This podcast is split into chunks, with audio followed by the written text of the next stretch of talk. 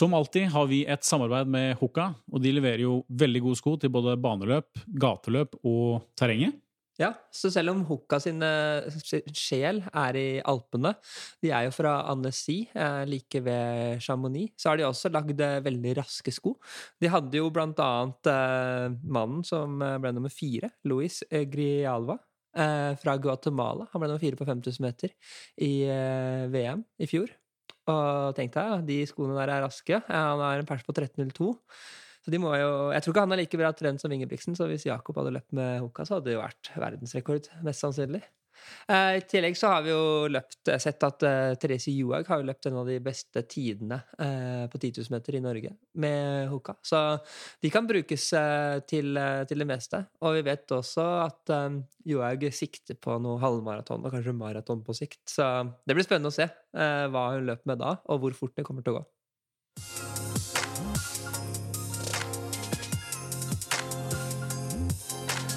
Hjertelig velkommen til en ny episode fra Grøg og skjule. I dag har jeg fått besøk av den foreløpig raskeste av mine kollegaer i Breaking Mental Limits. Hjertelig velkommen, Sidre Burås. Takk. takk. Ja, du er den første gjesten da, som returnerer til denne podkastscenen. Eh, jeg hadde litt følelsen sist at lytterne sang We Want More når du forlot eh, scenen med siste ja. ord. Og da delte du jo scenen med Daniel Kamen. Ja. Eh, denne gang skal du være i spotlighten alene. Eh, selv om du nå er en anerkjent eh, trener og kanskje ung, lovende designer, så har du tidligere satt en løpekarriere. Stemmer. Mest kjent kanskje for 1311 på 5000. Men du er også nå designer med master fra Kunsthøgskolen i Oslo. Og så er du kollega med meg her i Breaking Marathon Limits. Da er du treningsveileder både for privatpersoner og bedrifter. Mm. Stemmer. Nei, det er jo mye greier, da. Så eh, eh, Vet ikke om det var et spørsmål, men jeg kan i hvert fall bare si det første jeg tenker på. At eh, tenkte, du, du, nevnte så vidt eh, måte disse, disse to eh, både designer og trener. Og jeg føler liksom det er litt sånn story of my life at jeg hele tiden Jeg skal ikke si at jeg har hatt sånn identitetskrise, men jeg har i perioder på en måte stått Eh, liksom midt imellom to eh, eh, Kan du si aktiviteter da, som mm. jeg brenner veldig for. Mm. Eh, sånn, I starten av si, idrettskarrieren så var det langrenn og løping. Eh, og så valgte jeg på en måte løping. Og så begynte på en måte det ganske fort å melde seg på et sånt ønske om å studere og, og gjøre noe kreativt. da. Eh, og så gjør jeg det, og så, og så på en måte nå igjen så er jeg på en måte dratt litt inn i den trenerrollen, uh, løper en del selv, men samtidig som jeg ønsker å bygge opp uh, en sånn frilanskarriere på design. Altså. Jeg står sånn midt imellom to, uh, to aktiviteter ganske ofte da, i livet, så Litt slitsomt, men også spennende. Og nå De siste åra har vi blitt veldig bortskjemt med at vi har store stjerner som leverer veldig godt, også på din distanse, 5000 meter. Men bare sånn for å sette ting litt i perspektiv, det her 13-11-løpet ditt det gir 1167 poeng på indeksen til Det internasjonale frihetsforbundet. Eh, så skal man selvfølgelig ta sånne indekser med en klype salt, men det gir en pekepinn. da. Det tilsvarer iallfall en 1500 på 3.35. Det er det jo bare Ingebrigtsen i Norge som har løpt. En mile på 3.52. Men kanskje mer relaterbart til de som lytter her, så er det en 10 000 meter på 27,37, en halvmaraton på en time og 29 sekunder og en maraton på 2.09,37. Jeg syns den er um, streng ved maratontiden. Eller sånn, jeg føler at de maratonløperne kommer godt ut av den der uh, statistikken der. I hvert fall nå med, med, nye sko og sånn. Så uh, 2.09 på maraton er jo ikke noe bra lenger. Dessverre, fordi Men eh, nok om det. Det spiller ikke så stor rolle, men ja. det stemmer, det. Eh, jeg, jeg, er veldig sånn tilhenger av at 5000 er 5000. Hvis man konkurrerer på det, så er det det man sånn. Men det er alltid gøy å sammenligne, så klart. Men jeg tenker på en måte at disse, disse øvelsene har så stor kraft i seg selv da, mm. at um, jeg syns det er veldig fint å sammenligne 5000 med 5000 og 1500 med 1500 og 10 000 med 10 000. Og så ønsker ikke jeg da å la slike sånn, konkrete og håndfaste tall og tider eh, definere en så kreativ og kunstnerisk og reflektert type som deg. Eh, det er fort gjort eh, av og til. Av og til også ganske naturlig da, å omtale deg som 13-11-mannen. Ja, men jeg er komfortabel med det, altså. Faktisk. Jeg synes det er Når det er friidrett og baneløping, så er jeg veldig Så er man veldig mye den tiden man har løpt, da. Mm. I, de- I den kategorien, da. Mm. Men ja, du kan fortsette Ja, resonnementet ditt. ja, men sånn, vi, er, vi er jo kolleger her i Breaking Mount Limit, så da, da sparer vi om alt fra filosofi til leder- og trenerrolle, eh, strategi, økonomi, psykologi Mm. og piker, vin og sang. Eh, og så vi, nei, sveiver vi jo av og til innom da, litt, eh, litt løpeprat. Eh, det blir sikkert litt av hvert i dag, men eh, hovedvekt da, på idrett. Eh, men bare sånn først, kan du si oss litt om hvem er denne Sindre Burås? Ja, uff. Eh, det er et vanskelig spørsmål, syns jeg. Eh, det har jeg lurt, lurt mye på selv. Så ehm, det, er, eh, det er vel en eh, Jeg så klart jeg er idrettsutøver i sjela. Det er ikke noen tvil om det. Eh, jeg har liksom prøvd å leve uten, men jeg syns det var vanskelig. Eh, så, og også veldig konkurranse, eh, konkurranseperson. Jeg liker å, liker å konkurrere i ting.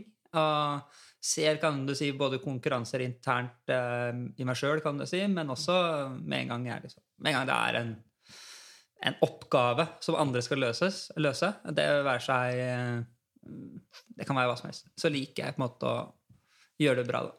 Eh, så det har jeg på en måte akseptert. Eh, og, jeg, og jeg liker å vinne.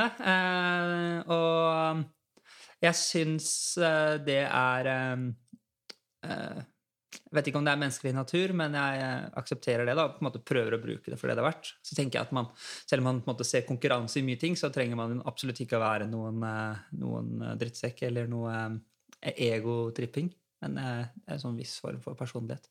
Kan man jo lure på hvorfor det er så viktig å være god, og hvorfor er det så viktig å liksom gjøre det bedre enn andre, da, eksempel. Eh, og det har jeg også lurt på, om det er et sånt der, trang etter oppmerksomhet, eller om det er en sånn eh, bekreftelse overfor seg selv, eller om det er eh, hva det nå enn er. Det har jeg ikke funnet ut av. Eh, tror det kan være mye, men, men jeg tror det er litt sånn iboende greie hos mennesker. Eh, kanskje litt sterkere hos noen enn hos andre. Eh, for min del så er den i hvert fall ganske sterk. Eh, så ja, syns jo det gjør eh, livet interessant, da. Så det er den ene siden av meg. Utenom det så, så er jeg født og oppvokst på landsbygda eh, i Hurdal, en time nord for Oslo. Så desentralisert, samtidig som ganske sentralt. Eh, veldig lite sted. Eh, det var ikke noe, noe bonde i den forstand. Pappa og mamma bygde hus, eh, helt vanlig enebolig, eh, på da tomta til, eh, til farfar, som var småbruk, eller bonde, da. Og der hvor pappa oppvokst. Eh, så det var nærhet til jorder og gårder. Eh, så fikk, eh, kan jeg si, litt sånn indirekte indirekte mm, eksponering da, av, eh, av mye sånn gårdsdrift og sånn. Men ikke noe storskala greier. Men jeg lærte meg å være ute og, og sånn handy ting, og ble satt tidlig i arbeid, vil jeg si.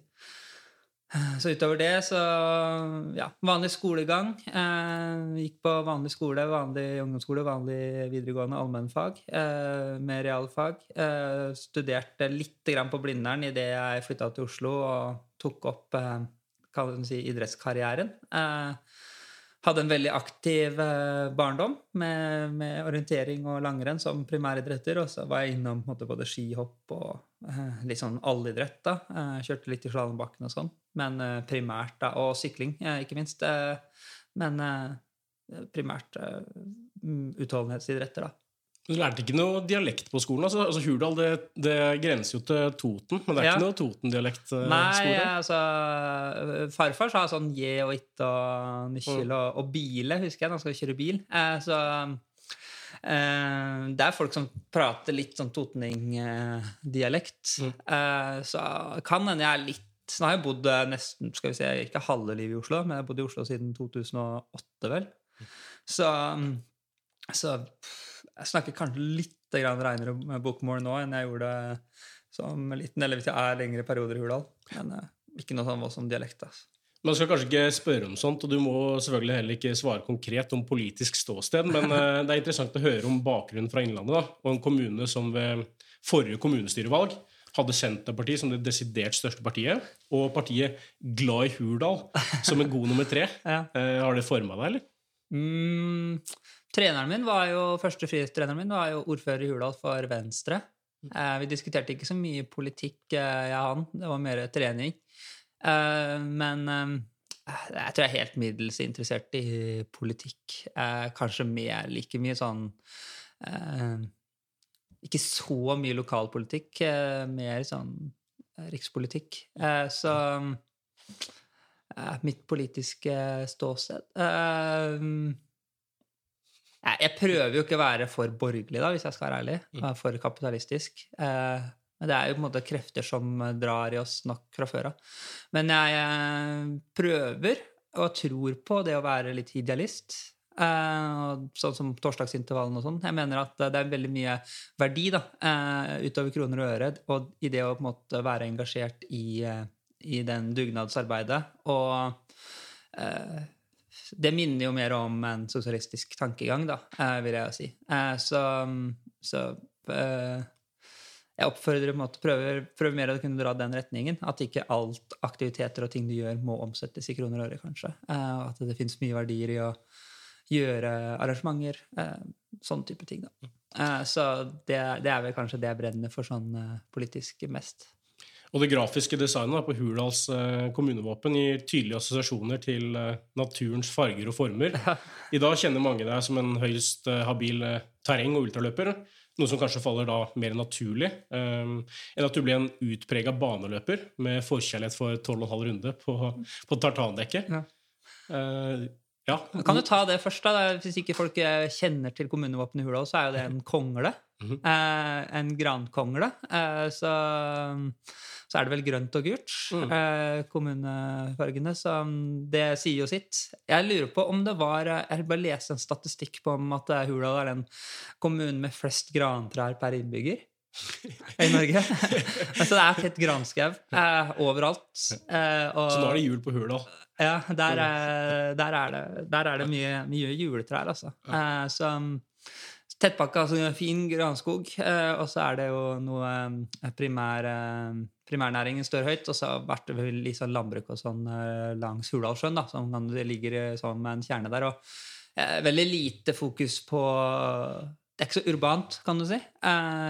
Men hele Øvre Romerike da, som region kan du si, har jo vært veldig stor innen eh, utholdenhetsidretter. Eh, Nannestad med Bjørn Dæhlie, eh, Eidsvoll Verk med, med Thomas Alsgaard eh, og um, Råholt med Jan Post. ja, Råd med Jan Post, ja, ikke minst. Og Tore Hofstad var jo i nærheten av meg. og Det er, vært, det er en idrettskultur, da. Mm. Eh, og, så, så utholdenhetsidretter står ganske høyt. Eh, så, men løping, sånn som jeg har drevet med, har vært sånn strebersak som eh, man kanskje dreiv med litt sånn, tok 3000 meter test og sånn i en grunntreningsperiode. Men, eh, men er absolutt anerkjent. Men eh, jeg tror nok det ligger mer naturlig å gå på ski og drive med de tingene der. da. Ja, etter hvert så ble du jo kjent for et ganske rapt fraspark. Jeg vet ikke om du kjenner til arrangementgruppa Fraspark Hurdal? De har arrangert eh, VM i spark ti ganger. Det er sånn 4,5 km langt sparkløp med målgang på torget i Hurdal. Så kan du legge til at det er neste arrangement er 11. februar 2023, så det er bare å komme seg inn på EQ-timing.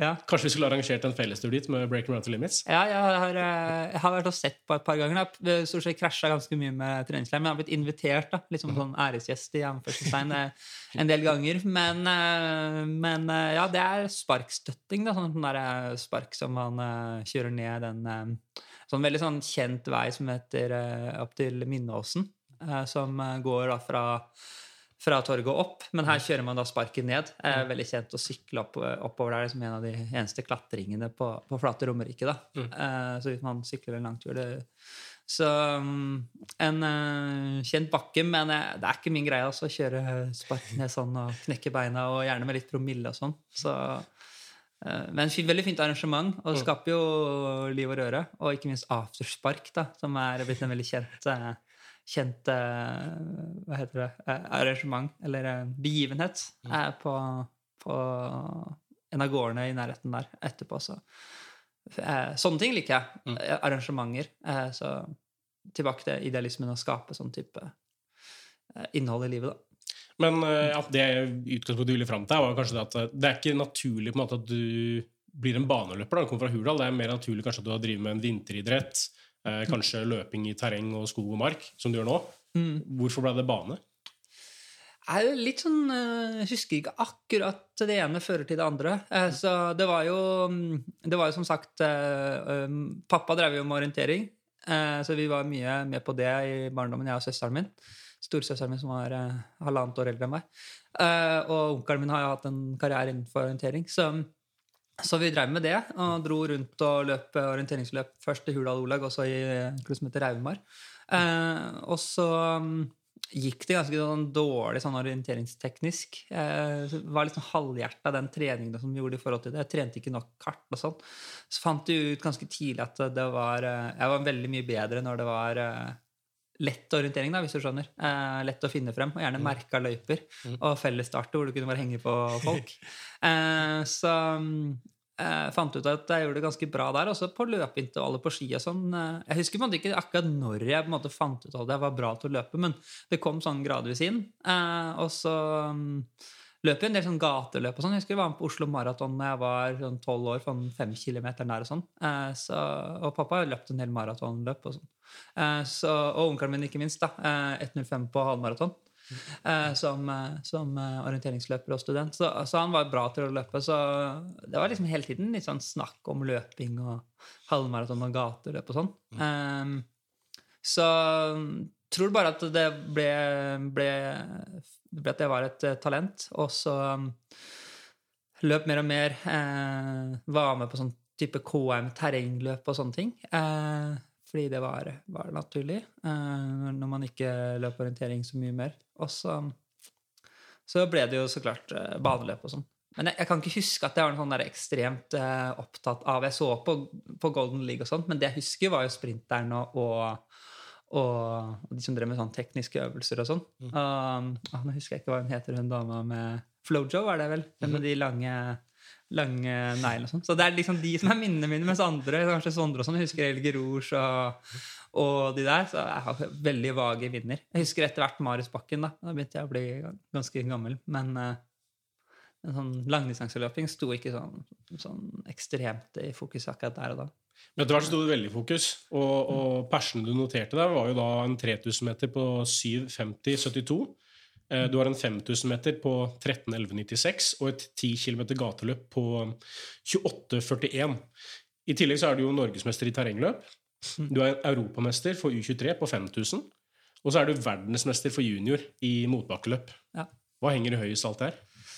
er litt vanskelig å rangere, men eh, det er vel VM-finalen som, måtte, som, eh, som måtte, eh, kanskje er den beste beste sånn enkeltprestasjonen. Eh, løpet der og da eh, Vanskelig å måle det opp. på en måte. Det var ikke sånn kjempebra sluttid, men det var en sånn bra avslutning og gjorde et godt taktisk løp. Sånn, så et godt gjennomført løp. Men, men det er jo måte hele prosessen med det å gjøre det bra i et VM. Først er det å komme dit, eh, kvalifisere seg, og så er det å gjenskape en ny toppform. da, Og så er det på en måte å gjøre et godt taktisk løp.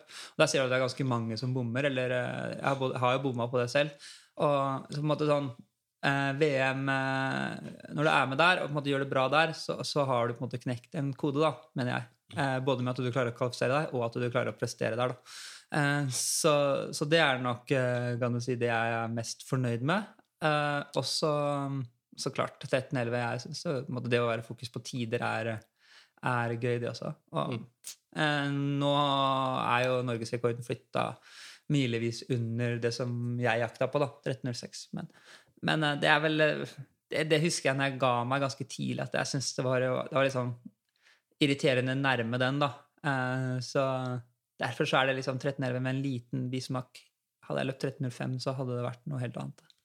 Jeg husker når vi ble kjent, så nevnte du det. Ja, du, ja, du løp 13,11, men da tenker du på en måte bare hvor, hvor kan jeg løpe fort og ras, altså bra neste gang. da. Ja. Og du trente, eller du hadde iallfall planer om å legge ned treninga for å ja, løpe 12,45. Ja. I hvert fall 12.45 følte jeg var veldig sånn eh, det, eh, altså, skal ikke si at Jeg prøvde å ikke sette noen begrensninger på tider, da.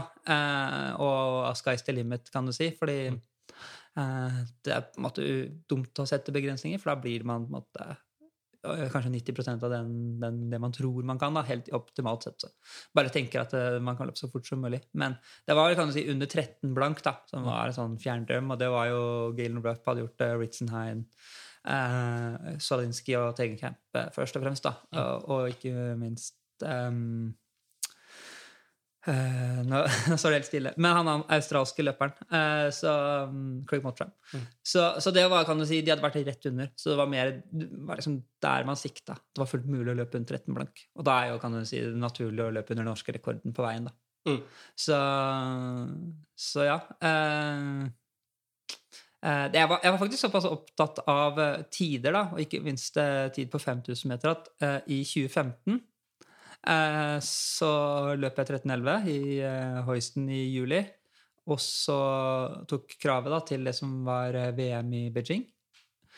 Og så var det litt sånn Hadde jeg vært med i VM i Moskva, eh, skal være helt ærlig, så var det sånn Tenkte ja, jeg kommer til finalen. Jeg, sånn, jeg kan komme til finalen, da. Tenkte jeg. Jeg, ikke garantert. Tenkte at jeg var god nok for det.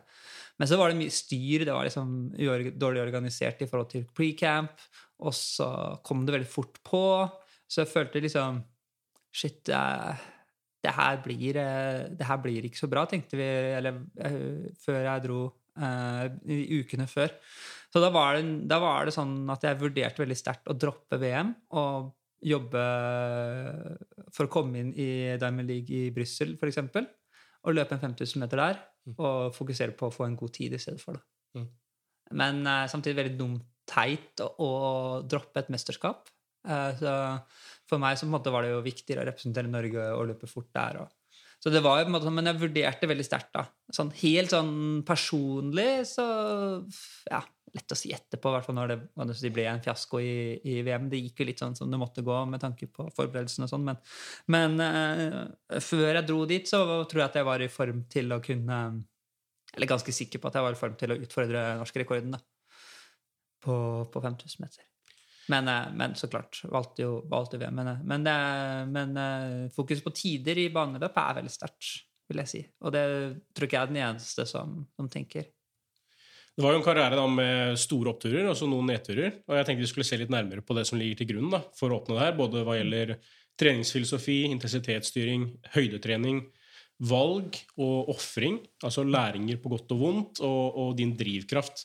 Og så finner jeg, det veldig interessant da, at du trente jo slik alle ønsker å trene i dag, men du var blant de første som gjorde det. Og når man gjør noe såpass u, eh, ulikt, da, det som er mainstream, så blir man kanskje i konservative Idretts-Norge ja, i beste fall ansett som uh, naiv, kanskje også på grensen mot gal. Jeg vet ikke, Har du noen tanker om det? Ja, nei, men jeg, jeg syns jo det er morsommere å være ja, altså litt radikal, da, som jeg kanskje syns er et bedre ord um, her. Gal er jo liksom I en sånn treningsform så tar jeg det som et kompliment, egentlig.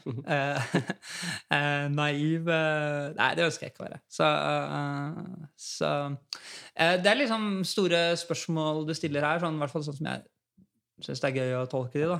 Men at litt av greia da, med å drive med idrett i et sånt privilegert land som vi bor i, er jo å er jo på en måte å gjøre noe interessant med livet, da. For det er nødvendigvis ikke noe sånn nødvendigvis veien til lykke, kanskje. Eh, for noen, men, men det er på en måte kanskje ikke det. Eh, og det er i hvert fall ikke veien til noe sånn økonomisk eh, gevinst.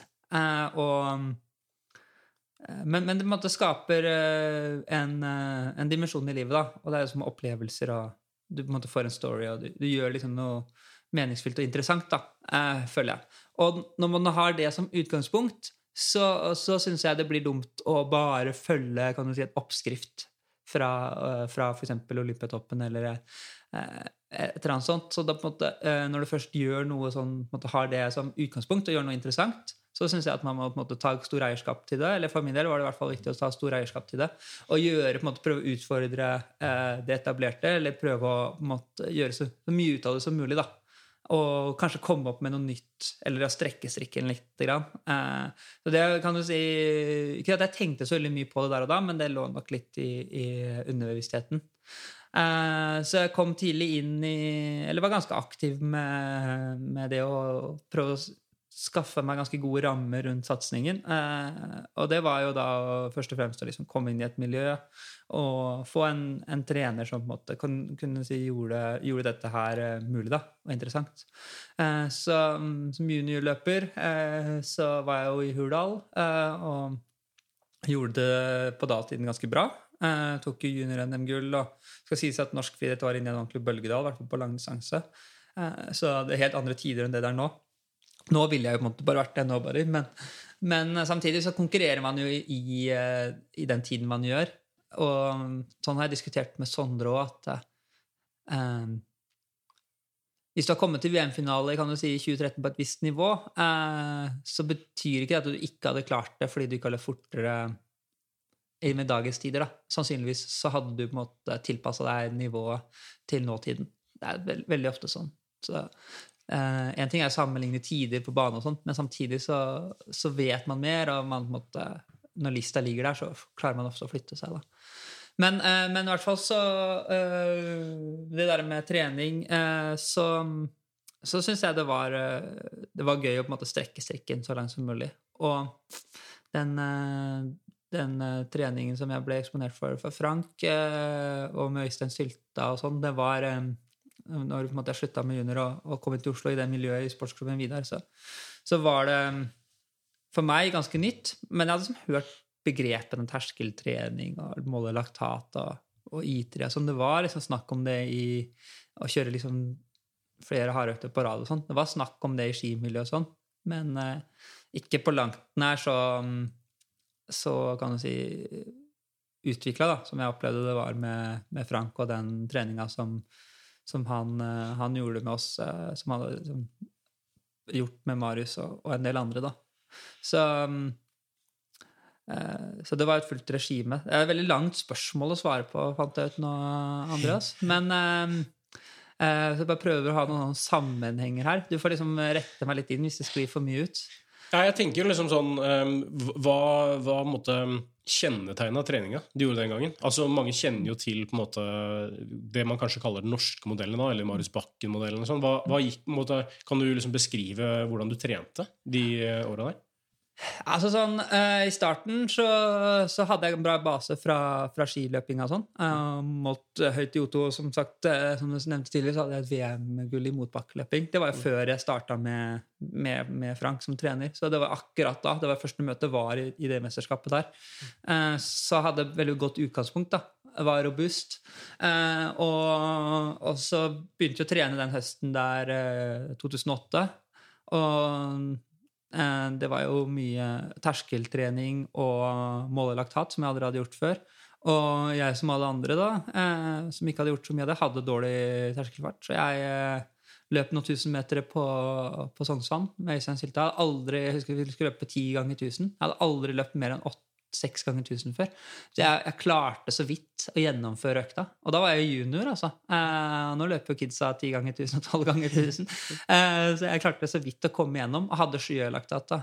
Eh, så, så det var jo et sjokk for min del, eh, men, men, responderte ekstremt kjapt. Og fra kan du si å ha terskelfart på jeg husker ikke hva det var, da. sikkert sånn 3.30 til å komme ned på sånn 3.20-3.15 ganske fort. da. Eh, og så gikk jeg i anskaffelse av laktatmåler, det ble en sentral del. Eh, og så dro vi til eh, Kenya da, den, eh, den, høsten, den eh, vinteren 2009, i romjula der.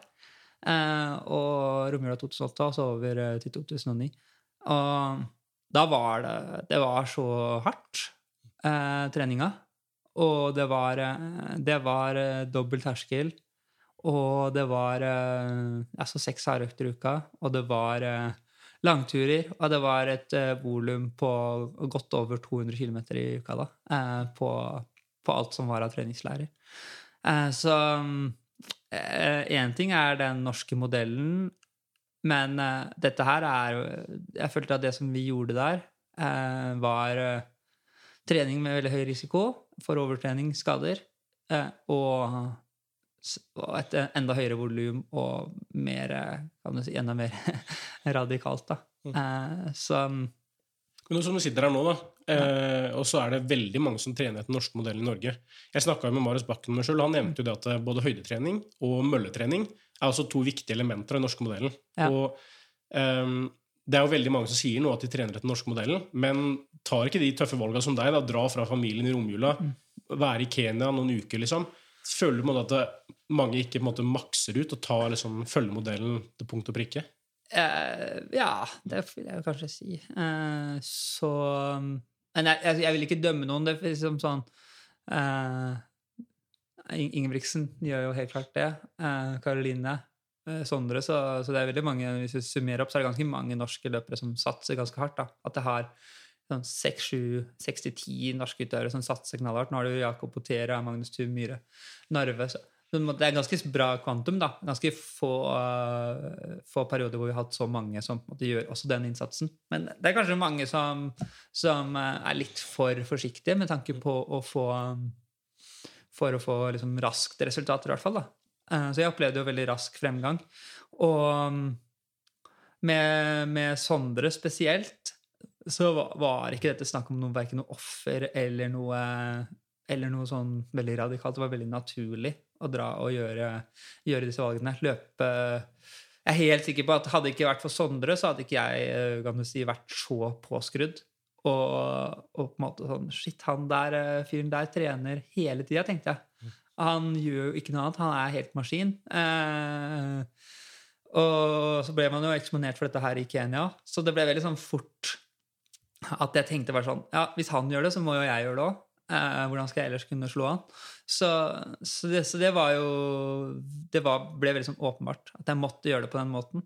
Og jeg tror det at eh, Sånn som Marius er innom, at én eh, ting er å gjøre terskeltrening og sånn, men det er, det er, også viktig å ta med seg alt det andre. Og det er kan du si, følge opp massasje, som jeg vil si. Muskeltonus og sånne ting. Ha en kropp i balanse trene på tredemølle og drive med høydetrening. Eh, være veldig profesjonell, da, rett og slett. Være bevisst. Og um, det, det være seg kosthold. Eh, ikke for lett, ikke for tung. Eh, alt dette her. Eh, så, så jeg på en måte tenker at det er en hel, hel eh, totalpakke. da. Det er ikke bare å måle to i laktat på morgenen og tre i laktat på ettermiddagen. Det er ganske store kontraster til at du i dag går med krykker opp til treetasje hos meg her. Eh, og jeg tenkte liksom på hva idretten har betydd for deg. Eh, mm. Er den forskjellig nå, som en glad mosjonist eh, og etablert trener, da, til da du var eliteløper? Eh, ja, det er det, så klart. Eh, det er litt, litt lavere press, mm. Eh, så klart. Og det er liksom en helt annen måte å, å trene på. Men men det som, er, det som jeg liksom sliter litt med da, som personlig, er at jeg klarer ikke den der, jeg klarer ikke den der bare kose meg med trening-livsstilen, har jeg funnet ut. Uh, så, um, trente jo en del i 2020 der. Uh, kom plutselig opp på 14 blank på, på denne rekordløpet på sand. Persløpet. Uh, så jeg blir liksom dratt inn i en sånn der, veldig sånn inn i en sånn nesten sånn toppidrettstankegang med en gang. Og, og, nå hadde jeg tenkt å gjøre litt sånn satsing mot uh, de ultraløpene og sånn. Men, uh, men, ble skada da, så klart. Uh, så, så, det er jo det er kanskje sånn symptomatisk på at jeg er Det er kanskje ikke så stor kontrast, faktisk. det er bare at jeg er mye dårligere. Altså jeg er liksom ferdig og lagt opp, så på en måte sånn Heldigvis så går ikke folk rundt og tenker på meg som at jeg Men jeg, jeg, jeg, jeg syns det er vanskelig, og jeg engasjerer meg veldig. Jeg syns det er vanskelig å liksom ikke helt akseptere det at jeg bare driver med det for gøy, hvis du skjønner. Og nå som du går rundt på krykker, da, altså du er vant til å løpe over 200 km i uka, nå halter rundt på krykker, eh, setter det ting litt i perspektiv? Får liksom, skjønner du hvor mye, hvor mye måte, idretten da, og det å være i bevegelse betyr for deg? Ja, jeg syns det er noe dritt. Altså.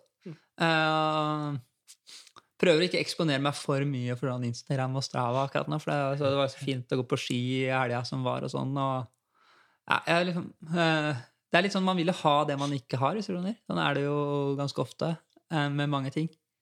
Men spesielt på det her, så det er, det er egentlig først og fremst at jeg ikke får en ting er skituren og sånn, det, det, har jeg gjort så mye, mye av og klarer meg fint uten. Men det jeg som savner aller mest, er liksom muligheten for å kunne gå på mølla og kjøre fem ganger seks minutter. Nå kan jeg på en måte ikke gjøre det. Altså, det er dumt å gjøre det. Før så var det sånn at jeg bare kanskje ikke gadd eller passa ikke. Men nå, nå, er jeg sånn fratatt den muligheten. Og det er eh, Det, det, det misliker jeg, da. Og det er nettopp derfor jeg gjorde den operasjonen. da, For at jeg vil ha den muligheten. Men uh, det å kunne bevege seg og være liksom, Kunne løpe en intervall eller ta seg en joggetur Den friheten det har, Det er, eh, det er for meg veldig viktig, viktig da. Uh, så men, eh, men ja. eh, nå har vi spora litt av igjen. Så vi sikkert kommer til å gjøre mange jeg hadde det apropos der, for apropos det å ønske noe du ikke har, da. Er det noen annen idrett du gjerne skulle vært god i? Alle, egentlig. Nei, ikke alle, men altså sånn. Jeg prøvde meg litt på sykkel, eh, og det var jo, kan du si, ett år der. Eh, og fikk jo mye ut av det, men jeg skulle gjerne gjort eh, fått enda litt mer ut av det. Men eh, tiden ble liksom for knapt, og så var jeg veldig fokusert på start på skole og sånn, så, så det. Eh, men eh, hvis man tenker andre idretter, så er det jo disse fjelløpene som jeg gjerne skulle gjort det litt bedre i. Angrer litt sånn Sett etter angrer og angrer, det er feil å si, men eh, litt pussig at jeg på en måte valgte å sykle det året etter at jeg la opp som løper, i stedet for å løpe de fjelløpene. Men jeg var liksom så drita lei alt på, på grunn av mange årsaker. Men, men, eh, men det jeg kan jo si eh, eh, Når jeg løp sånn som Sierra Senal, som er et fantastisk løp i Sveits, så bare ah, tenker jeg liksom, ah, tenkte jeg hvordan jeg hadde vært og gjort det her som når jeg var på mitt beste. Mm. Da hadde dette løpet vært veldig stas, da. Mens nå var det jo bare et slit fra ende til annen. Eh, og så, og så um, mellomdistanseløping, kanskje. 1500 meter. Jeg syns det var veldig gøy å løpe den distansen. og skulle kanskje gjort, eh, ønske at jeg gjort det litt bedre der. Men idrett, andre idretter eh, Jeg følte jeg hadde en bra langrennskarriere. Eh, orientering appellerte kanskje ikke så mye til meg. Sykling litt mer. Men, eh, men enda mer komplett som løper, da. Eh, så eh, tror jeg. Mm. Ja, det er ikke sånn at jeg sånn, syns det er gøy med fotball og tennis, og det der, men jeg, har ikke noe sånn brennende behov for å være så god, hadde vært så liksom, stjerne i de tingene der. Og nå har du fått karrieren litt på avstand, selv om du hadde sånn halvveis comeback da, i 2020. Eh, Du har fått smakt på en litt større andel da, av livets buffébord. Har det gitt et nytt perspektiv på hva du ofra underveis i karrieren? Eh, litt. Eh, så jeg syns det, sånn, det er så mye interessant å drive med i livet at jeg blir helt sånn litt sånn gal av at tiden går så fort nå. Jeg følte ikke det før, men nå er jeg jo sikkert snart 35 år og liksom nærmer meg 40. Det er liksom krise. Men, eh, men ja. Og det er veldig gøy å drive med idrett og stas. Litt glad for at jeg slutta såpass tidlig og fikk såpass mye ut av eh, karrieren, både sånn opplevelsesmessig og resultatmessig. Eh, og at jeg liksom gikk så all in, da, som jeg faktisk gjorde. Eh, som vi snakka om litt tidligere, at jeg trente det remmer og tøyholdt og gjorde liksom det jeg kunne. Og men jeg syns jo mm, skolegangen har vært eh, ekstremt interessant. Og design og arkitektur tar lang tid å lære seg.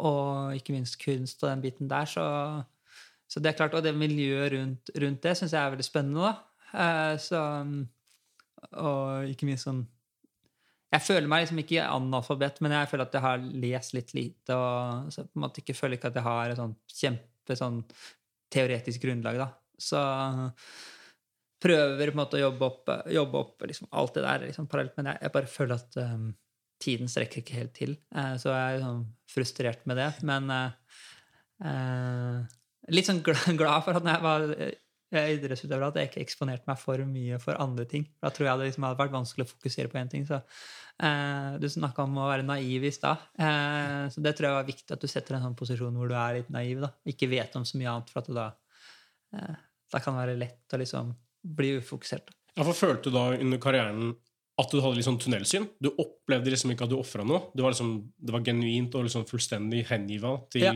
idretten? Ja, jeg følte ikke det der og da, så klart. Men eh, jeg ser jo nå at jeg var det. Jeg hadde det.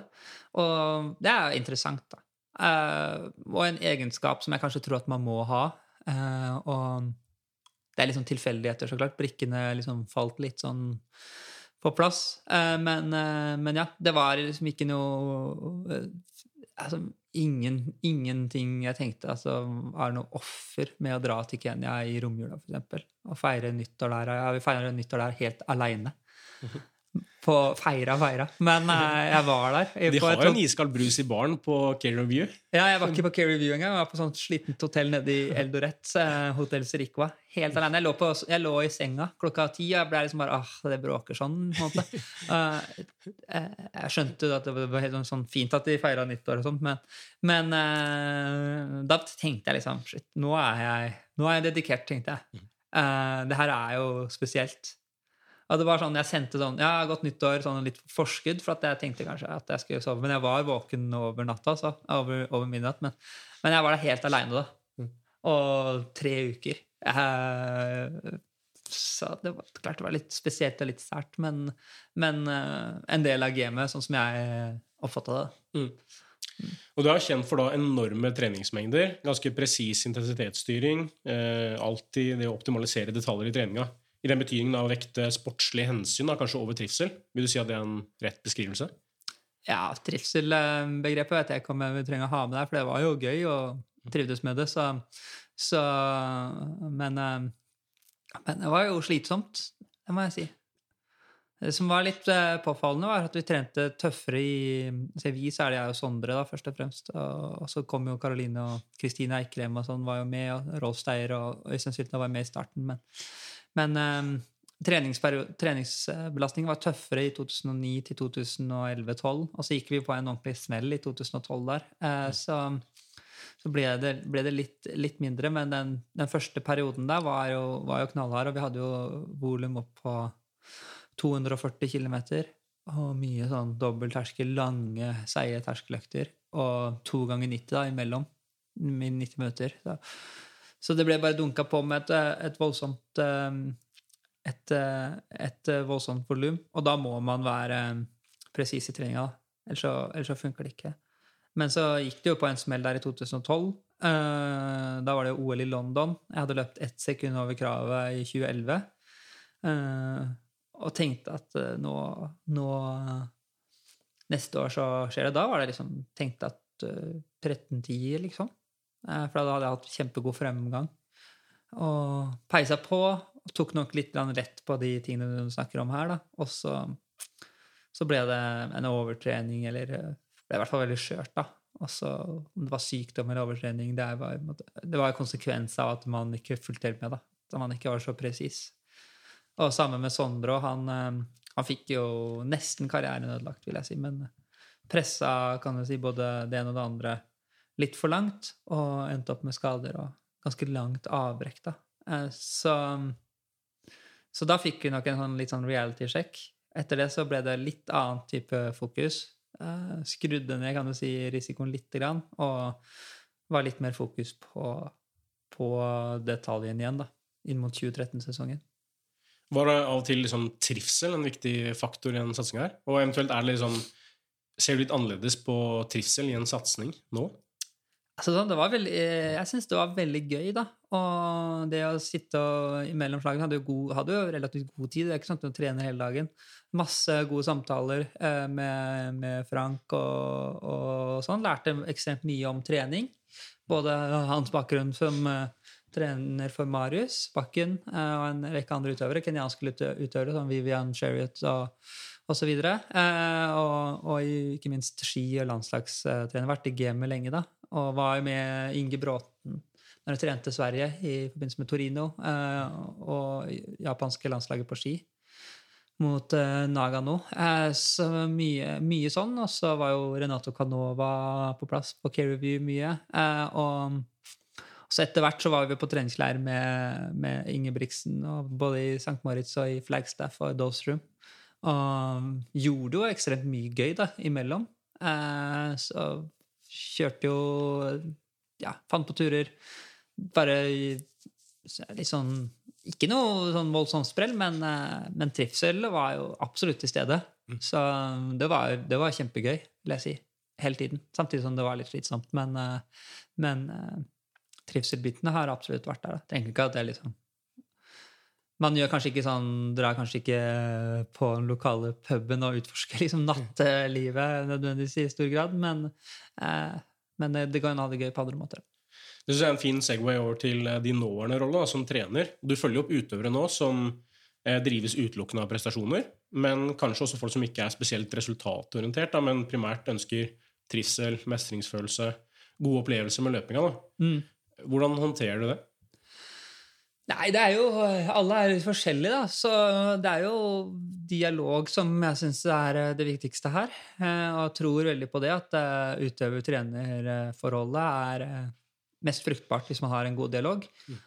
Og mm, det er jo det jeg ønsker å kunne bidra med, da. Min erfaring og stille litt spørsmål som får utøveren til å tenke litt over. Få mest mulig ut av løpingen sin. Mm. Og helt uavhengig av hva som er ambisjonene eller nivået, så tenker jeg at det er, det er, det er liksom samme for en som satser eh, knallhardt, eller en som ønsker å løpe fire timer på maraton. da. At eh, Man har jo da et, satt seg et mål, og så eh, Det jo- blir jo en ganske stor del av livet. Eh, mange nesten alle som vi følger opp, da, vil jeg jo si er ganske påskrudd når det gjelder løping, og løper nesten hver dag. Så det er en ganske stor del av hverdagen. da. Og da, da syns jeg at man fortjener å få, få mye ut av den tiden man legger ned. Da. Eh, Så, så det, er, eh, det er fokuset. eh, Og prøver å gjøre treninga spennende. Og hvis det er en liksom kortere periode, f.eks. en fire-fem måneders periode, så er det å prøve å være innom litt ulike typer treninger. Og eksponeres kanskje for en kanskje, de har, kanskje noen, Selv om det ikke gir noe mening, så kan de prøve å gjøre dobbel terskel. Mm. Eh, bare for at da har de gjort det. Kan de si sånn, ja, eller sånn, ja, det jeg prøvde, det er liksom det alle snakker om. Ja, det kjennes sånn og sånn.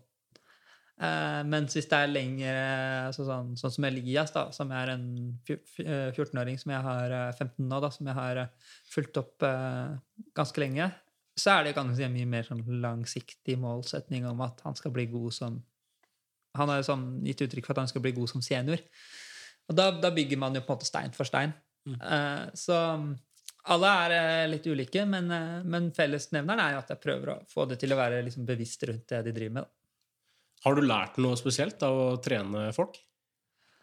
Eh, så kan det vanskelig å si noe sånn helt konkret, men eh, sånn, i forhold til det å få resultat, da, så, så føler jeg at det er eh, eh, Det er ikke alltid liksom det er helt fortjent. Noen, noen har rett og slett litt uflaks, da. Kanskje litt i større grad enn det jeg trodde på før. Jeg trodde liksom at det var, var mer sånn eh, ja, De som har uflaks og ikke får det til i løp og løp, det er fordi de er sløve på et eller annet. Uh, Så jeg ser nok det at det er faktisk det er faktisk sånn at noen har mer uflaks enn andre. Og noen jeg, kjenner, noen jeg har utover, har jo fått korona altså opptil opp til eh, altså mange ganger. Og, og blitt ordentlig dårlig, for eksempel. Og at det, det er liksom ikke så mye de kan gjøre med, da. De er, jo, de er ikke noe mer seriøse eller eh, mindre seriøse enn andre. Sånne ting. Noen er skjørere. Eh, og så er det noen som man kanskje tror har et sånt fysisk talent, kanskje ikke har det i like stor grad. Mens andre responderer superkjapt. da. Så det er vel det at det er litt større variasjon i forbindelse med talent enn det jeg kanskje, det jeg kanskje trodde. Eh, men når de driver med toppidrett, så er det på en måte den der har man allerede de aller, aller skarpeste, da. Eh, Så, så de er, det har allerede vært en ganske sånn sterk utskilling av de som har bra talent. Så, så kanskje ikke så unaturlig, men, eh, men det tenker jeg også de som, eh, som trener utøverrollen, som jeg føler jeg har driver mye med nå, så er det jo de som Den dialogen, de får kanskje mest ut av de som har tettest dialog. De tingene der. Og. Nei, det er vel eh, kort oppsummert.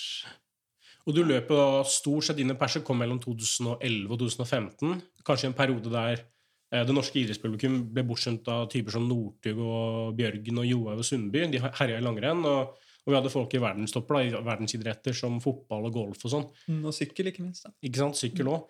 Du fikk da åpenbart ikke den anerkjennelsen kanskje du fortjente. da. Og det er først i ettertid man kanskje har innsett hvor, hvor bra f.eks. 1311 var. da. Mm. Har du noen tanker om det? Altså, det er sånne ting som man tenker kan du si, prater litt om eh, når man også er utøver. Altså, sånn prøver man jo så klart ikke å sånn, Det er litt sånn Man ønsker jo ikke å ha noe mindreverdighetskompleks eller være en sånn person som som sutrer. Og det er jo, det er jo masse, kjempemasse idrettsutøvere som ikke får den anerkjennelsen de fortjener i forhold til resultat. Det kan du si litt synd, men samtidig så er det, kan du si, når det er eh, et TV-produkt, så handler det jo liksom om kommersiell verdi og sånne type ting. da. Så det er ikke noe sånn ulogisk at det er sånn. Og var jo fritt til å velge både sykkel og langrenn som junior og kan du si gå den retningen hvis det var, hvis det var liksom oppmerksomhet, og det var det det handla om. da. Så det er jo det er, det er, sånn, det noe, var ikke noe fokus pokus, det. Eh, og tenkt, gikk rundt, og det var man veldig sånn klar over. at det, eh, mange var sånn Oi, vil du drive med friidrett, da vil du aldri kunne bli verdensmester, aldri kunne ta noen internasjonale medaljer, eller liksom.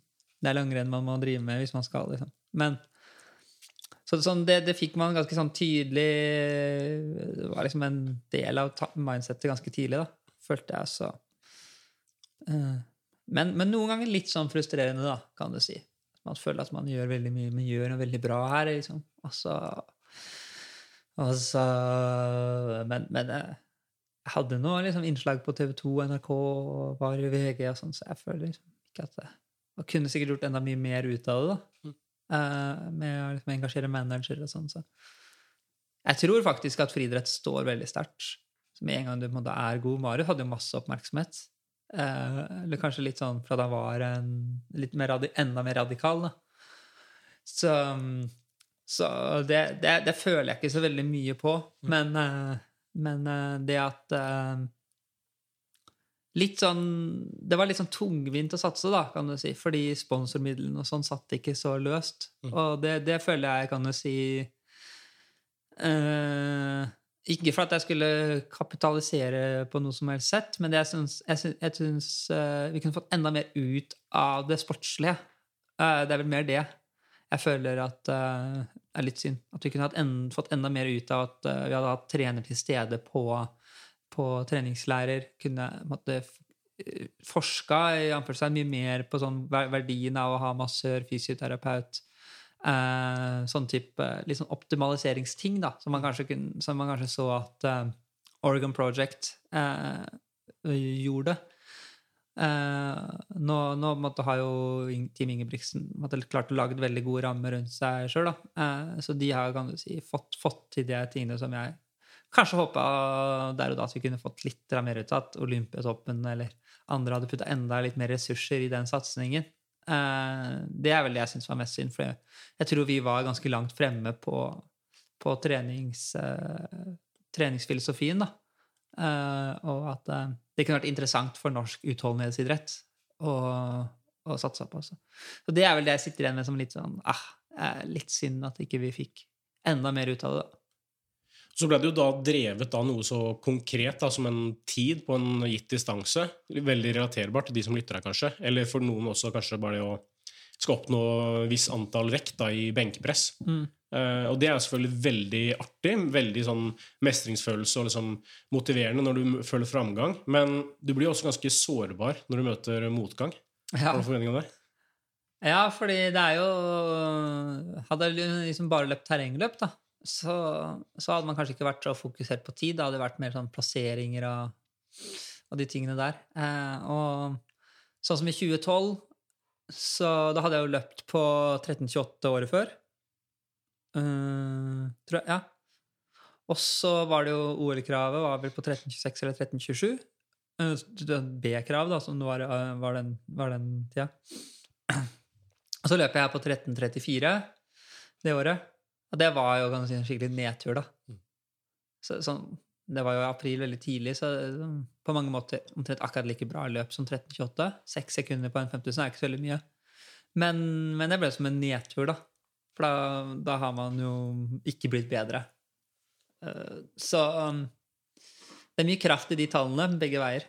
Uh, og så, så Litt slitsomt. Men, men det er igjen, da dette her er man jo på en måte klar over når man begynner å satse så hardt på Det er ikke sånn at det bør komme som en sjokk. Oi, er det liksom tider? Er, en, er banen lik overalt? Er det liksom det samme år etter år? Det, det, bør ikke komme som noe sjokk da, når man satser uh, friidrett Nei, for Jeg har sett noen løpe 1000 meter på Bislett, og da stopper de midt på oppløpet fordi da klok piper klokka.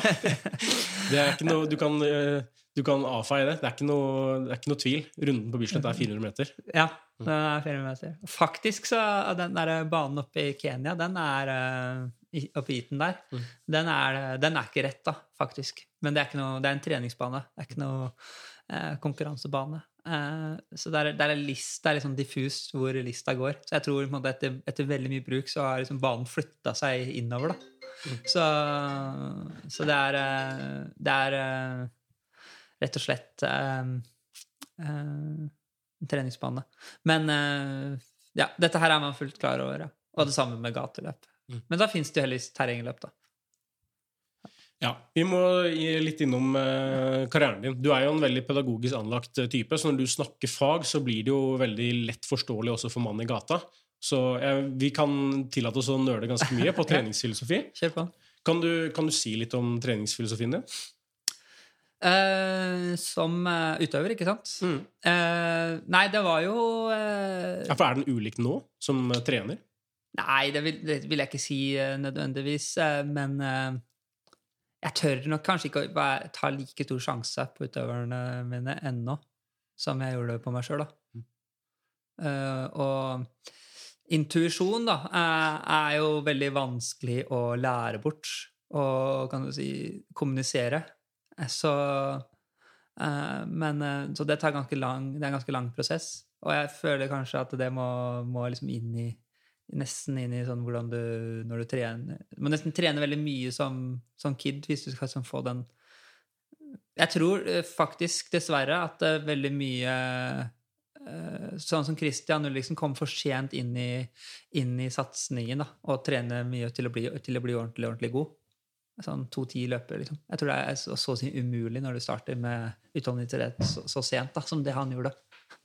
Og det Eh. legger du til grunn altså intuisjon, som er viktig Nei, men ja, altså sånn, det er sånne mekanismer som du opparbeider deg når du er barn, og bevegelsesmønster. og måte, Du trener jo Husk på den tiden mellom 10 og 20 år. Det er 10 år med trening, da. Uh, hvis du trener sånn, litt sånn intervalltrening på langrenn og driver mye med utholdenhetsidrett, der, så har du sånn ti år med, med, med grunnlag. da. Og det bygger deg altså opp en veldig god base, men du, du lærer deg veldig mye om måte, hvordan hvordan du skal gjennomføre intervaller, og hvordan du skal måte, disponere krefter, og hvordan du på en måte skal løpe opp en liten kneik, da, for eksempel, eh, når du løper fort. Så, sånne småting. Sånn du på en måte ser at oi, den personen der har løpt mye. Eh, Det er liksom en helt annen måte å løpe på. Så, så det legger jo kan du si, litt grunnlag for hva slags, uh, hvor hardt du kan trykke på gasspedalen når du blir eldre. da. Det er vel det som er poenget her. Og for min del så hadde jeg bra base, som sagt, og måte følte at jeg kunne beherska liksom mye det der med bare logikken i å trene intervaller og, og løpe, da. Eh, Og, og, og kjøre harde økter. Eh, Så da treningsfilosofien eh, min var jo bare der å, å tett dialog med, med trener, så var det jo bare å få flest mulig kilometer på og rundt anarob terskel eh, i store trekk, og prøve å opprettholde et eh, relativt høyt treningsvolum. mm, så det er kan du si en kombinasjon med, med den norske modellen som vi snakker om nå, men, men også kan du si den derre der langrennsbakgrunnen også ganske forankra inn i den. Så, så jeg følte liksom at det var høyt eh, volum på terskel, men også mye trening. da. Eh, og mye løping, veldig mye spesifikk eh, løpetrening. Veldig lite alternativt, lite styrketrening, eh, sånne type ting. Eh, og variasjonen i intervaller eh, Hvis du tenker en uke da, med, med fem eller seks hardøkter, så, så, var det, så var det fokus på å ha ca. annenhver økt på 2 millimol og 3-3,5 millimol.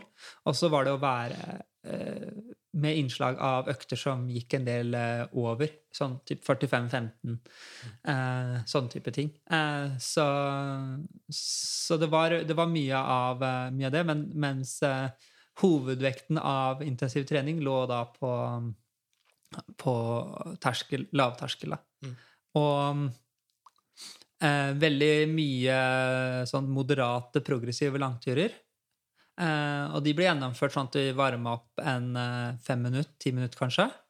Og så var jeg ganske fort oppe i en hastighet. Husker jeg løp eh, på mølla sånn, ganske mye på, i god form. En halvtime på 18 km i timen, og så 15 minutter på 18,5. Og så kanskje de siste 15 minuttene på, på 19, da. Så en time på, på, relativt høy fart, mye rundt to 2 millimol. Og så ti ganger 1000 på kvelden på rundt, på rundt 3 millimolar. Og da får du jo 90 minutter på, på høy intensitetstid. Eh, eller høy fart, da. Så det var jo Det, det vil jeg si var, eh, var fokusområdet. Og så strekke de øktene lengre i, eh, i, i volum og lengde. De, de terskeløktene også. Så, så, det var nok filosofien. Og da krydre og måtte få, få mye eh, rolig trening imellom. Men det ble, ble liksom begrensa til en sånn tre kvarter, time. Eh, ikke så mye mer enn det. Og det gikk veldig, veldig rolig. Eh, så det er vel kanskje en av de tingene som jeg er mest, som blir sånn mest kjent for, eh, er at det løp de rolige turene helt opp mot seks blank på kilometeren. Mye for at jeg var liksom, faktisk veldig sliten. Eh, og jeg visste at det var en tøff dag etterpå. Og kan man legge til det da, For de som lytter her, så er det sånn seks blank høres jo ikke sjokkerende eh, sakte ut, men si det er tre minutter bak din terskelfart, så setter ja. de ting i perspektiv, og da hadde du ikke veldig mye over 100 i puls, kanskje? Nei, altså brukte pulsmåleren aktivt på roligtrening, eh, og for så vidt på, på intervalløkter. Men jeg lå mye rundt 120 i puls. Prøvde ikke å ha høyere enn det i snitt, og nesten ikke over det i eh, i det hele tatt på turen. Så klart må man ha det i motbakker og, og litt sånne ting. Eh, men eh, nesten som man liksom gikk da, for å holde pulsen nede. Eh, men det gikk veldig rolig. Litt sånn stigningsløp og sånne ting. Men, men, veldig rolig. Og hadde ikke noe mål om å bli god til å jogge på 4.30. Det var liksom helt uinteressant. Det som var viktig, var å få opp terskelfarten. Og ikke minst evnen til å løpe veldig fort. Og alt imellom var restitusjon. Og Grunnen til at det er 120 puls, eh, det var vel noe med eh, Frank snakka om det her, at det var eh, Da fylte du så å si opp hjertet maksimalt. Hvis du lå mye lavere enn det, så er det noe med at du ikke fyller opp, og at du ikke får blodet Det er fordel at du får den opp litt puls, da. Mm. Sånn at blodet sirkulerer mest mulig optimalt. Men du trenger ikke å gå noe høyere. Eh, dette, dette, må noen som er litt mer sånn faglig anlagt, eh, presisere. Men, mm. men, eh, men, det var si, teorien bak, bak, å ligge akkurat på det. Så det var liksom ikke noe tilfeldig. Men det at det da ble ganske lite sånn alternativtrening, var det sånn bevisst i form av at du måtte ikke anså det som like viktig, eller var det rett og slett ikke plass til det? Eh, nei, det var vel det at jeg hadde ikke noe problemer med å men det er nesten så de der skogsturene kan nesten så på en måte et løper eller friidrettssammenheng kan se på som alternativ trening. da. Men eh, fordi det var liksom, det å løpe på sånn stier på åtte blank på kilometeren eh, minner jo ikke så veldig mye om å løpe 5000 meter på bane. Mm. Så eh, Men eh, nei, det var ikke noe behov for det. Hadde ikke noe skader eller noen utfordringer med det der. Og da kunne jeg heller liksom bare strekke løpeturene så er det etter hvert, når du trener eh, såpass hardt og såpass mye, så er, eh, så er på en måte det å bare ligge i ro også veldig god restitusjon hvis du har jogga to rolige turer den dagen. Da. Det, var noe, det, var ikke noe, behov for å supplere så veldig mye mer. Ikke der og da. Men uh, hadde jeg trent veldig hardt over mange år og liksom nærma meg 30-årene og, og, på en måte skulle øke treningsbelastningen, totalbelastningen mer, da, så, og begynte å få skader, og sånn, så tror jeg nok det å løpe i vann eller det å løpe på Alstigem eller kanskje sykle innimellom hadde blitt implementert. Men det var ikke noe behov for det der og da. Vi er veldig glade for å ha med Norges ledende nettapotek, Farmasiet, på laget. For hos farmasi.no så tilbys det mange forskjellige kosttilskudd og produkter til trening. Toppformen den må du naturligvis jobbe for sjøl, men med koden trening20, altså trening med liten T, 20, så får du iallfall 20% rabatt og produktene levert hjem. Og da, Sindre, da er du allerede et godt stykke på veien. Ja, det er jo som du sier, treninga som er det aller viktigste, eh, så den må du jobbe hardt for. Men det kan jo være at man trenger f.eks. Eh, jerntilskudd. Eh, vi løpere har jo et høyt forbruk av jern, så det er jo ganske ofte at man trenger det, blant annet. B-vitaminer, D-vitaminer spesielt når man går inn i vintermørket. Og som ultraløper og terrengultraløper så er man jo påkrevd å ha bandasjer og eh, sånne ting på løp, så det kan man jo finne på farmasi.no.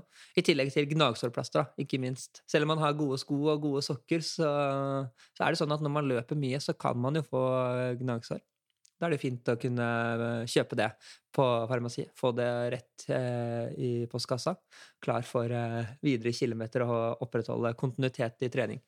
Så um, farmasiet, der har de alt du trenger, da. Men ikke toppformen. Den må du ut og jobbe for sjøl.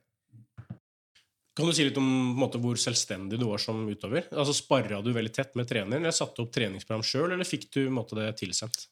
Jeg var veldig bevisst i det som foregikk, eh, men han var ikke sånn kjempegod på sånn trening og hva andre gjorde, og var ikke sånn noe belest på den formen der. Men eh, satte ikke opp noe av treningen sjøl. Det var Frank som gjorde det, men vi hadde daglig dialog. Og jeg rapporterte etter så å si hver eneste økt. Eh, med tekstmelding eller telefon.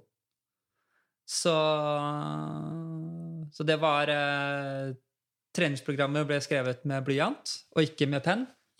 Eh, ikke med data, mener du? nei, faktisk ikke. Eh, så, så, det var en veldig tett dialog. Mm. Eh, og det var så tett at jeg kunne f.eks. skrive 'I dag tidlig gikk det bra' eh, på rulletur. Og da måtte Hva skal jeg gjøre i ettermiddag? Mm. Og så ettermiddagen. Kjentes bra i kveld også. Eh, jeg er klar for intervall i morgen. Og så fikk jeg så, eh, Og hvis jeg ikke fikk noe svar, så ringte jeg til jeg fikk. Så det var en veldig tett dialog. Og det var ikke fordi jeg liksom var helt sånn hjelpeløs. Fikk jeg ikke noe svar, så, som det var veldig, faktisk veldig sjelden. Jeg sånn, lurer på det den dag i dag, hvor, uh, hvor mye jeg liksom har forstyrra i et annen persons liv. Ja, For nå kjenner du litt mer på det sjøl? Nå er du på andre sida av bordet også? Ja, jeg syns jo det er veldig liksom, fint hvis folk ringer meg sånn, da. Det er nesten så jeg blir glad, liksom. Men, uh, men det er sånn Det var i tide og utide jeg ringte. Eh, men jeg fikk alltid svar. Og jeg vet det samme med Sondre. Sondre var nok, hadde en enda lengre samtale. Jeg var veldig sånn kort og konkret. Det var sånn eh, Det kunne bare være sånn 20 sekunders samtale, nesten. Bare, 'Hei, kjente meg bra i dag.' 'Ok, ti ganger tusen i kveld.' Bra. Snakkes. Ha det. Det er sånn der, En filosof kan jo liksom ja. sammenfatte veldig mye mening på et lite sitat, mens en eh, sosiolog må kanskje utrede det lenger. Ja. ja. men Sondre tror jeg er mye mer sånn tenkende. mye mer sånn 'Ja, men uh, i fjor så gjorde jeg det og det, og sånn og sånn og sånn.' Og sånn, og kanskje grubler mer, da. Og er enda mer i det enn det jeg var. Jeg var litt mer konkret.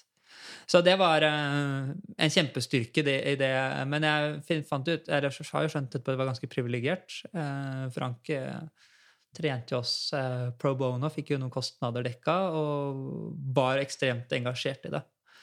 Og det følte jeg så gjorde at um, Altså, det ble, det ble, på en måte sånn lagfølelse veldig uh, komprimert, da. Mm.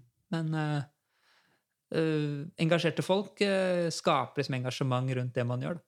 Og det, det, tror jeg på. Da, det, da blir det liksom forpliktelser i den ene og den andre retningen her. Og man vil liksom ikke skuffe noen. eller man sånn, Oi, denne personen står på såpass mye for meg. Da må jeg i hvert fall gjøre liksom, dette her skikkelig. da.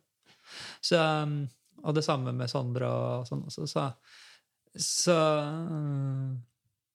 så det, det, var, kan du si, mye kraft i det der, da. Og jeg vet ikke om vi har liksom vært innom treningsfilosofien og sånn nå, men jeg tror folk folk skjønner greia. Men det var veldig mye sånn standardøkter. sånn Fem ganger seks minutter, ti ganger tusen, tolv ganger tusen. Og mye av de fartsleks-greiene som hvis folk har vært med på torsdagsintervall. og sånn, mye, av de, mye av de øktene der. Mm. Eh, men eh, veldig mye sånn løp mye tolv ganger tusen, da. Ikke så mye hokus pokus, men uh, det er ikke så lett å kopiere på det her og dra til høyden. Da. Kan du si litt mer om det å, å være Dere var veldig mye i Kenya, i høyden. Uh, som noen kanskje vil i ettertid kanskje definerer som galskap, det å være der i romjula og trene 240 km og sånn. Kan du si litt om den perioden der? Deg og Sondre kriga på på høyden der? Ja, det er, det er jo minne for livet, det der, da. Eh, jeg tror jeg var i Kenya over 20 ganger. Eh, så fra 2009 til 2016, da, som var siste sesongen. Eh, det var noe sånn helt spesielt. Det er jo en helt annen type, et helt annen type land, da. Eh, først og fremst. En helt annen type del av verden. Eh, så For å ta liksom kort om Kenya, så er det jo veldig, egentlig ganske smooth eh, reise. Eh, kjører bare rett Det er sånn Per-Mathias Høgmo sier det. Smooth hjemreise. ja, ja, Ja. Det er smooth reise, det. Ja. Ja. eh, eh, flyr bare rett sørover, mellom mellomlander i Amsterdam eh, til Nairobi. Blir møtt med eh, litt sånn kaos, mye lukter og mye opplegg. Eh, så i starten, første gang vi var der, kjørte vi bil fra Nairobi til Eldoret, så det var jo litt av et da, Nei, det var litt av en tur. Altså. Det var timevis i bil. Kryssa ekvator og noen veier som var eh, ja, Og biler som ikke liksom er helt uh, vår standard, men Det er eh, tre i bredden på en tofeltsvei. ja, det er mye sånn. Og s- dype spor, da, for at asfalten er ikke Den er liksom veldig sånn myk. Det Smelta i varmen. Så sånn dype hjulspor. Men, uh, men uh, Så det er liksom en litt annen tilnærming til, til det meste. Men så kommer vi nå på en måte opp til, til Eldoret, da, som vi bodde i, i, i starten. Og når folk ser liksom Eton og der på Sondre er, så, så er det litt annerledes enn å trene i Eldoret, faktisk. Uh, og første gangen vi var der, i 2009, så det var jo ikke smartphones. Uh, så det var, det var veldig vanskelig å kommunisere med omverdenen. Jeg hadde en sånn Nokia-telefon. Og så var det jo ikke noe internett på hotellet. Det var en sånn internett i resepsjonen, nei, PC inn i resepsjonen som var kobla til internett. Men det gikk så ekstremt treigt. Altså, sånn, hvis du skulle gjøre noe, så var det nesten sånn ti minutter for å laste opp eh, VG, liksom. Så det var, eh, det var, det var praktisk talt eh, ingen kontakt med omverdenen. Og så var det faktisk sånn at vi hadde jo ikke, mm, ikke GPS-klokker. Øystein Sylte hadde vel med seg husker jeg, en sånn GPS, sånn polarklokke med sånn GPS på armen. Som du kobla til. Sånn ekstra, sånn svær sak som du løp med på armen. Da. Men, eh, men eh, vi var på en måte uten det, da. Så veldig annerledes faktisk å trene sånn trening på fart og sånn. Vi målte vel opp den ene runden med GPS-en til Øystein her. da, Fant ut at den var vel 10-11 km. Så brukte vi den som på en måte sånn referanseøkt i forhold til å finne ut av hvor fort og langt vi løper rolig. Eh, og så hadde vi en 1000 meter, en sånn 1000 meter som Marius hadde løpt, som vi da måtte måle opp sånn kontrollmålet med en bil. Eh, så, og så vi brukte Google Maps og sånn, fant ut at den var Jeg husker jeg sjekka på Google Maps når jeg kom hjem, uh, om den var på en måte 1000 meter. Det viser seg at den var veldig nøyaktig. da. Uh, så, så alt var litt annerledes. Det ble liksom standardøkta. Så hadde vi en sånn runde som var eh, omtrent akkurat tre kilometer eh, som vi også løp intervaller i. Eh, 2000 meter og 3000 meter der. Liksom hadde vi målt opp, da. Det var i nærheten av den 1000-meteren. Og i Eldoret så er det, så er det paddeflatt eh, og rundt eh, 2000 meters høyde. Eh, og sola står jo rett opp, siden du er veldig nærme ekvator. Eh, trente klokka sju om morgenen. Eh, jeg, jeg trente litt seinere når jeg var aleine, men Sondre var jo klar klokka seks. Så det var jo sånt, det var jo sånt eh, kompromiss der. Eh, og så løp vi, og i starten, når eh, Frank også var med på treningsleir, så kjørte han i bil da, eh, med en sånn sjåfør etter oss. Og Så han satt på samtlige økter. Selv om det var rolig eller, eh, eller hardt. Og så, så det var liksom pussig. Jeg og han løp i sånn seksplankfart, og så var det en bil som kjørte rett etterpå.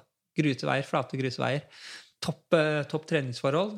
Eh, og og utenom det så var det jo spise på hotellet. Veldig sånn uh, britisk inspirert frokost og sånn, med omeletter, bønner og, og bacon, liksom. Mm. Og noe juice. Og så var det bare opp på rommet, uh, sove, ned igjen til lunsj sånn i tolvtida, og så opp igjen på rommet, slappe av, og så var den klart for ny økt sånn i 4.50, ja da. Og så var det tilbake.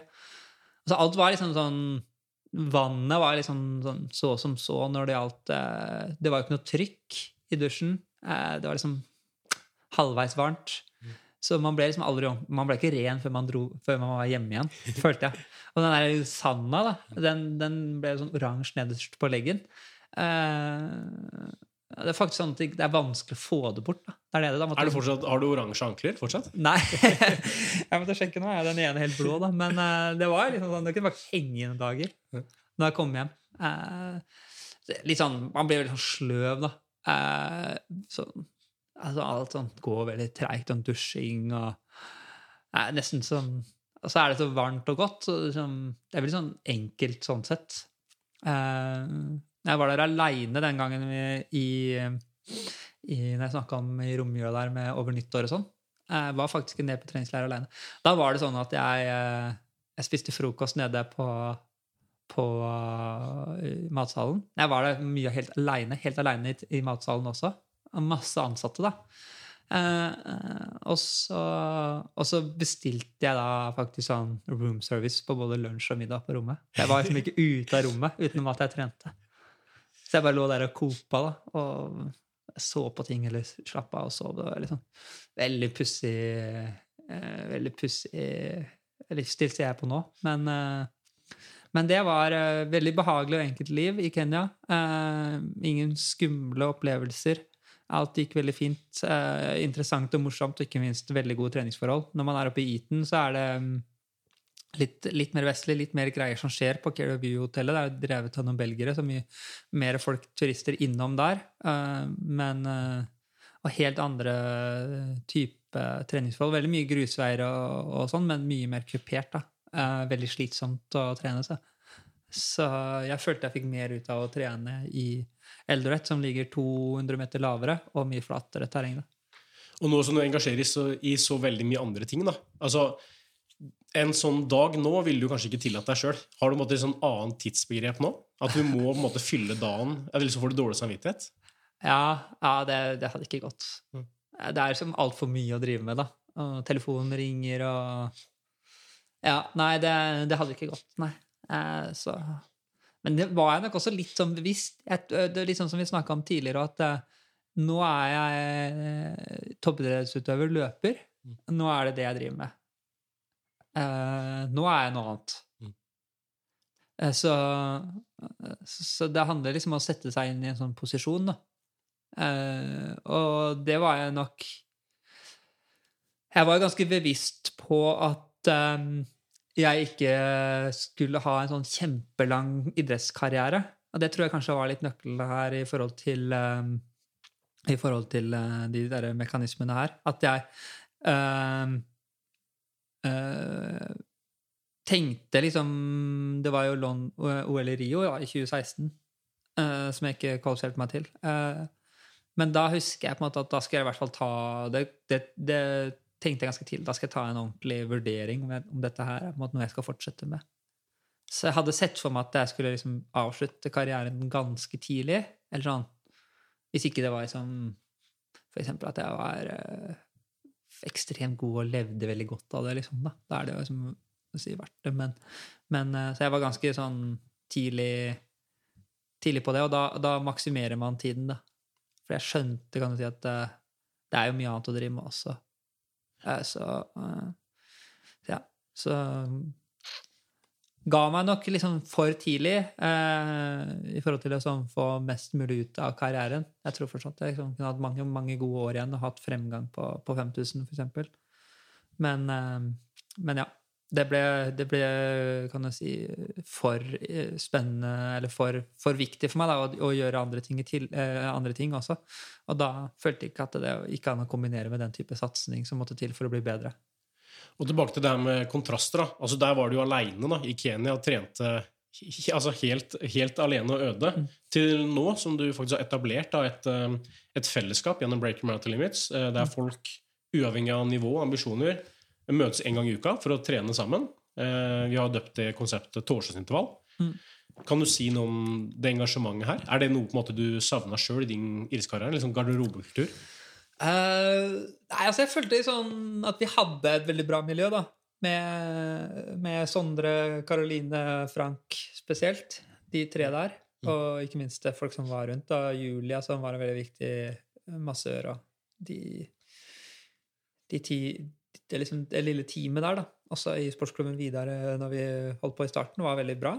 Uh, så ikke så veldig mye der og da. Jeg sånn, nesten så det vært mer slitsomt hvis det skulle vært så mye greier. Men eh, nå er det vel mer litt sånn derre at jeg eh, Jeg tenker at løping eh, trenger ikke Toppidrett på den måten der, og, og løping Det kan være noe helt annet, da.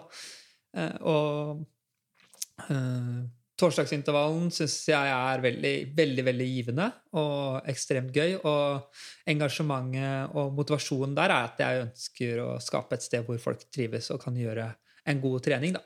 Eh, rett og slett. Og ha liksom et lite sånn mikro, mikrocoaching, kan du si. Eh, de, blir i hvert fall, de får et program en gang i uka. da. Så det er en form for trening. Eh, treningsveiledning. Også en, en, åpen plattform. Der kan folk stille spørsmål og svare. og eh, skape et miljø. Det har jo blitt skapt sånne mikro, altså submiljøer gjennom torsdagsintervallet òg. Folk som bor i nærheten av hverandre, som kanskje tar en felles langtur eller en, en kvalitetsøkt på, på tirsdager. Eh, så, så, så, motivasjonen der handler ikke nødvendigvis om nødvendigvis bare performance, og sånt, men det er å liksom lage et sted hvor utøvere som kanskje faller litt sånn mellom det Som faller litt utenfor det å drive med organisert klubbidrett, mm. og kanskje ikke har noen sånn bedriftstreninger og sånn. Eh, så det er rett og slett et sted, et sted for, for alle. Eh, og bare rett og slett at de skal få, få glede av å gjøre en god intervalløkt. Jeg syns det er ganske stilig og veldig unikt. da. Stas at det å komme inn under Breaking Out Limit sin uh, plattform. Det er ganske sjeldent. Jeg vil ikke tro sånn at noen landslagsspillere i fotball kanskje etter endt karriere eller sin næringslivstopp, da, som Petter Stordalen, liksom inviterer på en måte mannen i gata da, til å bare eh, veilede de etter endt karriere, sånn som mm. du faktisk gjør da, nå. En 13-11-løper som bare møter opp hver torsdag og og veileder folk som, som løper mila på, på, 50 minutter. Det er ganske, det er ganske fint. Så ja, for de som ikke ennå har vært der, så, så, kan vi jo si det også, at det er jo fellestrening hver torsdag. Nå tar vi en bitte liten juleferie, men vi starter opp igjen tidlig på nyåret, og der ja. er alle hjertelig velkommen. Ja, Nei, det er, jo, det er, jo, sånn som når du sier det nå, at uh, du setter pris på det, og, og andre også som måtte virkelig takke. Jeg syns det, uh, det, er veldig stas, og da har det åpenbart liksom en plass i folk. Og det er masse folk som møter opp uh, uke, ut, uke, ut, og uke inn, og det er jo mange nye folk. Folk som er innom der en gang iblant. så, så litt det som vi snakka om i starten, at Uh, ja, jeg tror på det å være, gjøre litt sånn idealistisk arbeid, som jeg føler at det er. Uh, og det er litt sånn prøver å motivere til det òg. Og, og det, det, det, trenger ikke å være trening. Det kunne vært liksom et tegnekurs eller liksom en spillkveld. eller liksom Det kan være hva som helst. da. Uh, male en vegg eller drive med håndverk. altså sånn. Det er masse sånne type ting som jeg syns det er litt for lite av. da, Og som jeg på en måte kanskje kunne kunne liksom i samfunnet sett litt mer at ikke alt trenger å liksom outsources eller kommersialiseres. Mm. Uh, og for min del så er det en kjempeverdi. Eh, det er liksom det at folk sier takk, og det var gøy å være med i dag, eller hyggelig at dere og det er liksom, Her har jeg skapt, fått venner, eller jeg holder motivasjonen oppe. liksom. Dette er ukas høydepunkt. Uh, det betyr jo det betyr veldig mye mer. Og jeg vet jo det at en utøver som har gjort det bra i løping, har jo uh, en kraft uh, i uh, å mm, altså liksom skape et miljø rundt. Da. Mm. Og da føler jeg som at når jeg har vært i den posisjonen, så kan man utnytte seg av det. da. så jeg vil liksom ikke være noen moralist og si at det er en plikt som utøver, men for min del så har jeg fått så mye igjen for idretten sjøl. Og dette kan jo være en, en sånn det er ikke noe byttehandel i frem og tilbake, men for, for, meg så er det i en måte også en jeg, jeg, får mye igjen for det, da. Eh, så derfor så måte gjør jeg det. Eh, så jeg setter liksom pris på de liksom, Jeg føler meg bra hvis jeg kan gjøre noe bra, hvis du skjønner. Det er, noe, det er, en, det er en ærlig sak. Så eh, uh, ja. Det er vel kort fortalt.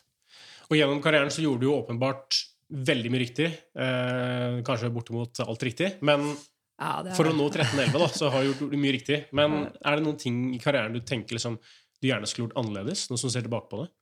Masse. Masse, masse, masse. Det var jo liksom, Vi var innom det og kan du si profesjonaliserte enda mer.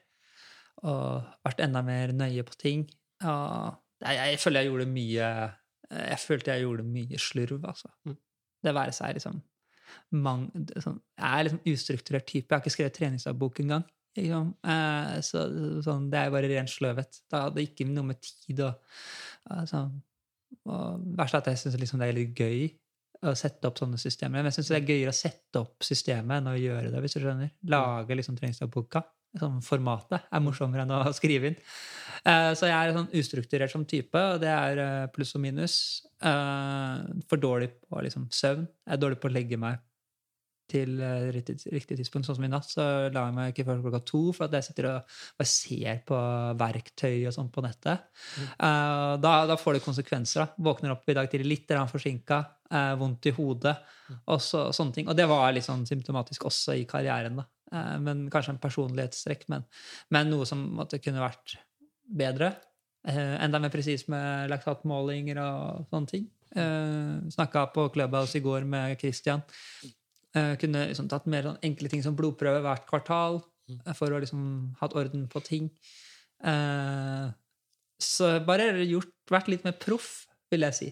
Eh, så kan jeg også si klart ja, men det var ikke noe apparat rundt, og det var ikke noe profesjonelt eh, eh, team eller, eh, eller landslag eller noe, men, men det, det føler jeg liksom ikke er noen unnskyldning. Da. Er det her som lærdommer du tar med deg fra karrieren som du da er veldig opptatt av å videreføre da, til de du følger opp nå? Ja, jeg prøver det. Uh, men uh, man må jo starte på riktig sted, så det aller viktigste er jo på en måte å få folk til å trene. Og, og Men jeg opplever faktisk folk som mer strukturerte enn det jeg var. da. Mm. Så det er andre type ting. De mangler kanskje de tingene som jeg hadde, i større grad. Mm. Så, uh, så, så der er det mye av det er på plass, opplever jeg, i større grad enn det var på meg. Så, så jeg er litt sånn surrete som person, da. Og sånn, går veldig inn i ting, og da glemmer jeg veldig mye annet. Nå som jeg først har da Hurdals eh, store sønn her til portrettintervju i, i stua, eh, så hadde det vært en tjenesteforsømmelse selvfølgelig, og ikke gått mer i dybden på, um, på hva 1311 på 5000 meter betyr. da. Altså jeg kan jo si det at eh, For å oversette de som lytter her, det er jo en snittfart på 22,8 km i timen. Det kan jo bare folk hoppe på, på en tredemølle og så stille inn på 22,8 så se hvor lenge de klarer å løpe. Jeg er ikke sikker at mølla går dit engang. Eh, Det er 2,38 da, på kilometeren, hvis du har lyst til å teste det. Uh, selvfølgelig For å løpe så fort, så er det jo en sinnssyk base. Da. Du kan ikke liksom se på hva jeg gjorde siste tre, uh, uka da, uh, inn mot 5000-meterløpet for å løpe 13,11. Men kan du si litt sånn, litt sånn i grove trekk hva det gikk i, og, og kanskje litt mer spesifikt om de siste ukene, hvordan du formtoppa inn mot det 13,11-løpet? Ja, altså sånn, eh, Vi har snakka mye om treninga og sånn, og det, det er nok en sånn eh, Det er nok en eh, base da, som er bygd opp over 10-15 år, kanskje. Det tar det nok. Det tar nok en ti år å, å, i ganske ung alder å bygge seg opp til den kapasiteten man trenger. Mm. Eh, og mye terskeltrening og rett og slett utdannelsestrening. Og så må man jo ha et visst eh, talent i forhold til det. det er, sånn, den hastigheten som man snakker om, det er jo måte relativt fort. Så du må måte ha noe leggspeed. da. Du bør ikke være liksom veldig seig. Du må ha liksom, litt Jeg var aldri noe sånn superrask på 60-meteren og sånne ting. Men heller ikke den treigeste, da. Eh, så du må liksom ha evnen til å slå om, som vi kaller det. eh, og liksom øke frekvensen på siste runden. Gjerne løpe den på 60 sekunder. Det er sånn veldig klassisk hvis du skal løpe de tidene der. Så, så måte bør du ha evnen til å kunne avslutte på, på 60 eller raskere i nesten alle løp.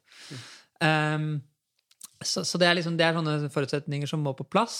Eh, og de siste ukene da, eh, før trening, så, nei, før eh, de beste løpene mine, så kom vel det Enten så løper jeg fort i mai, eller så løper jeg fort i juli. Eh, og det er nok litt typisk på at du er ganske tett inn på en grunntreningsperiode. Eh, og det viser seg å være veldig tydelig at 5000 meter er en uh, utholdenhetsidrett. eh, og kapasitet trumfer veldig mye. Og du må ha relativt høy terskelfart da, inn mot løpet. Som gjør at uh, det bør ikke være for lang tid mellom den måte sånn, ordentlig trening med, med bra volum på terskeltrening og, og løpet. Så jeg kom ganske tett fra høyden. Uh, hadde vært i St. Moritz på sånn, uh, grunntreningsperiode midt på sommeren. Uh, pleide å være i lavlandet i Oslo to-tre uker før konkurransetiden. Så at jeg var i lavlandet før, før det. Eh, og de treningene da på forhånd i høyden var ganske sånn klassisk med litt sånn dobbel terskel, et volum opp mot eh, 180 km i uka ca. Langtur på søndager, eh, ti ganger 1000 og sånn.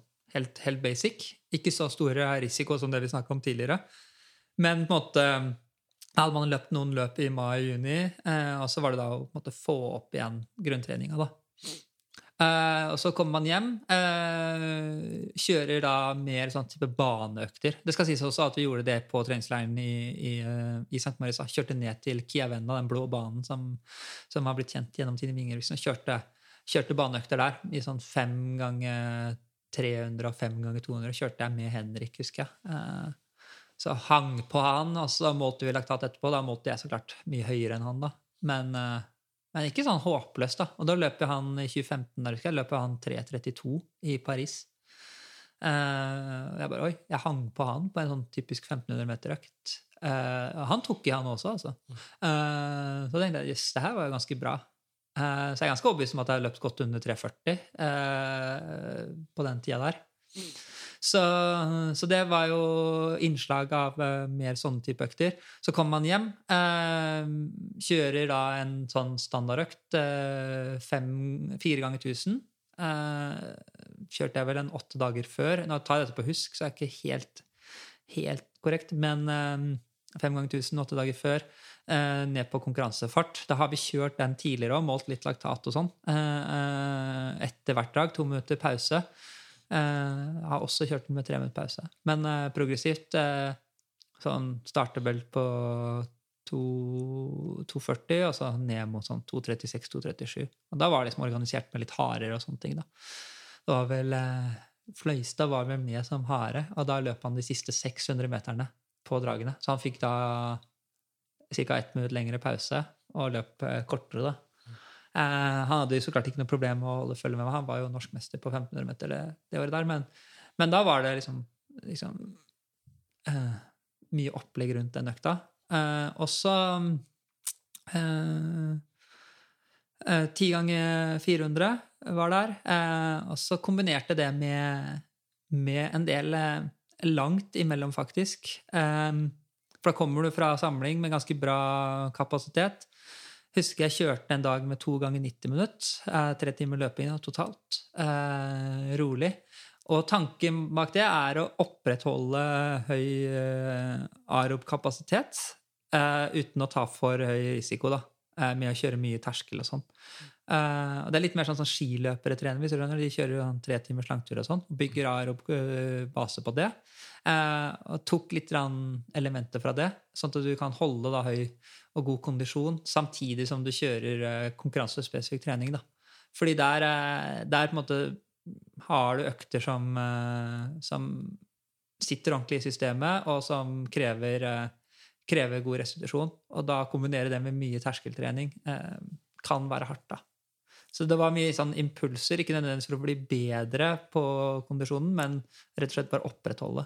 Kjørte også en halvtime på 3.20-3.25 fart, eh, eh, kombinert da med, med, med 10 ganger 400, 5 ganger 1000 og 200 og 300 meter og sånne ting. Og når du da løp 13.11, så ble det litt sånn overskrifter selvfølgelig i VG og Aftenposten og kom liksom på NRK og sånn. Mm. Eh, men det var jo ikke som et lyn fra klar himmel. Du hadde jo to år tidligere løpt 13.15, så det var bare på en måte bare noen sekunder, noen sekunder eh, pers der. Men mm. den gangen så trente du liksom bare med tanke på at en eller annen gang skal jeg liksom da skal jeg, jeg skal svømme meg på 12,45. liksom. Det var ikke noe endepunkt da med 13.11. Kan du si litt om det der? Nei, da hadde jeg jo vært i en sånn bølgedal i 2014, og det var et ganske eh, dårlig eh, år der. En sånn stangutsesong. Det var jo 2012, 2014 og 2016, annethvert år, da, eh, hvor det gikk ræva. Så det var jo kan si, en sånn ah, gjennombrudd igjen. Jeg løp 13,28 tidligere i mai, da, og ble ganske optimistisk. Nei, der løp jeg vel ikke Jo, det var noe sånt nå. Mm. Eh, så, så, ganske optimistisk med tanke på at uh, dette kunne bli en bra sesong. Og så var det i Hoisten, da, stedet over alle steder når det gjelder å løpe fort på, på 5000 meter. Så mm. alt var peila inn mot det. Uh, det var den eneste sjansen jeg hadde for å ta VM-kravet det året. Og jeg husker bare det var sånn en enorm lettelse når jeg som løp der. Og jeg følte meg litt sånn uovervinnelig. Uh, og endelig tilbake var på en måte tanken. Ja, så ble det jo da VM eh, i Beijing, eh, nedtur, og så ned, nedtur i 2016. Så lite visste jeg da om at det var kanskje det siste bra løpet jeg gjorde. Eh, så men jeg nøt øyeblikket, så, sånn sett, og vi feira med to cola og en pizza. Så, så det var jo Det var stas, det. Mm. Uh, men um, det er som du sier. Eh, jeg hadde ingen tro på at det skulle være mitt siste gode løp. Mm. Når jeg løp over mål der. Eh, så eh, Men en gang så skjer jo det. Så litt sånn pussig Jeg har ikke tenkt så veldig mye på det før nå, men litt sånn pussig å sitte her og tenke på det nå. Noe jeg har tenkt litt på, fordi jeg har jo aldri løpt noe 5000 meter sjøl, men det å løpe så fort du kan i ca. 13 minutter, da, på eller si 23 km i timen, det er jo en brutal øvelse. Er det en sånn underveis i en 5000 meter, er, føler du en sånn rus i form av at det er liksom, det her mestrer det her er liksom gøy og deilig, eller er det bare Ja, det var de to gangene i hoisten der omtrent, da. Ja, og er, det ikke, er det ikke bare brutalt vondt i 13 minutter? Ja, det er litt forskjellig å løpe sånn eh, mesterskapsløp. Og sånn som jeg vant U23-EM, så er det jo da å være veldig sånn bevisst. Du må følge med. Det var litt sånn tett. Det var lureløp. Eh, det gikk jo kjempesakte, og så var det en voldsom avslutning. Så da er det så mye som skjer. Eh, du må være så fokusert, så da går tida veldig fort. Og så er det ikke så slitsomt, for det ligger jo ikke, skal ikke si joggefart, det går jo på en måte tre blankfart og fortere. Eh, så, så det er jo på en måte over terskelfart, og sånn, men det føles veldig lett. da. Eh, Eh, så der går tida veldig fort. Eh, det verste som fins, er jo å løpe 5000 når du er bitte litt ute av form, og du åpner for hardt. Da er det, og Spesielt når liksom, du merker at du rygger litt i feltet, du blir aleine, sånn som jeg har gjort på Bislett stadion et par ganger. Da er det, da, Og så er det liksom masse folk rundt, og du ønsker å komme i mål. Da er det bare smerte fra ende til annen. da. Begynner å bli stiv, og du må bare jobbe virkelig, mobilisere, mobilisere, mobilisere. Eh, og Sånn som Henrik Ingebrigtsen har jo gitt uttrykk for det, at han, han digger jo ikke å løpe 5000 sånn, sånn fysisk. Eh, men, eh, men de to gangene i hoisten der, eh, den ene gangen når jeg løp 13-11 der, så var det bare sånn Det er et sånt tog som går.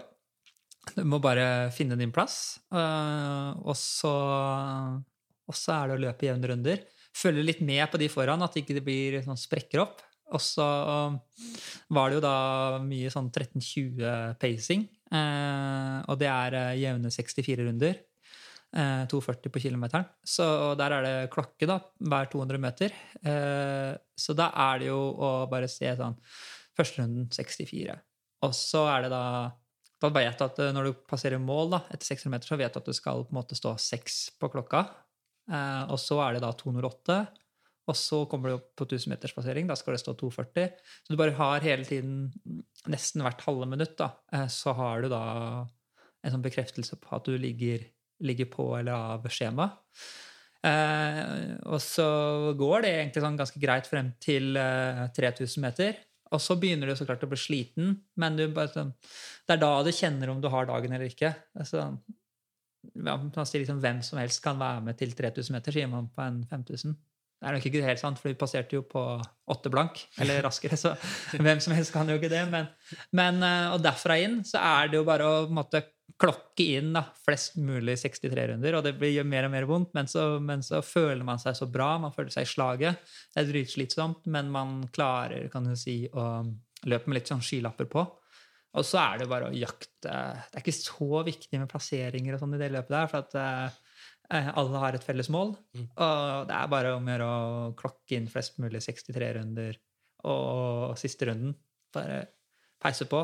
Sørge for at man ikke for Det var jo folk der som løp ned mot 13 blank. Sørge for at man ikke brenner av kruttet for tidlig og stivner på oppløpet. Eh, eller før det. Da, da på en en progressiv eh, progressiv eh, fart da, siste tusen der. Og man er så i det at jeg eh, Det er, så, det er, liksom, det er jo kniven på strupen. Eh, og eh, så fokusert, konsentrert, og viljen til å gjøre det så bra er så sterk, er at du klarer å ta ut maks, og man klarer også å disponere kreftene eh, riktig. Da, for det, det har man øvd så mye på, man har det i seg.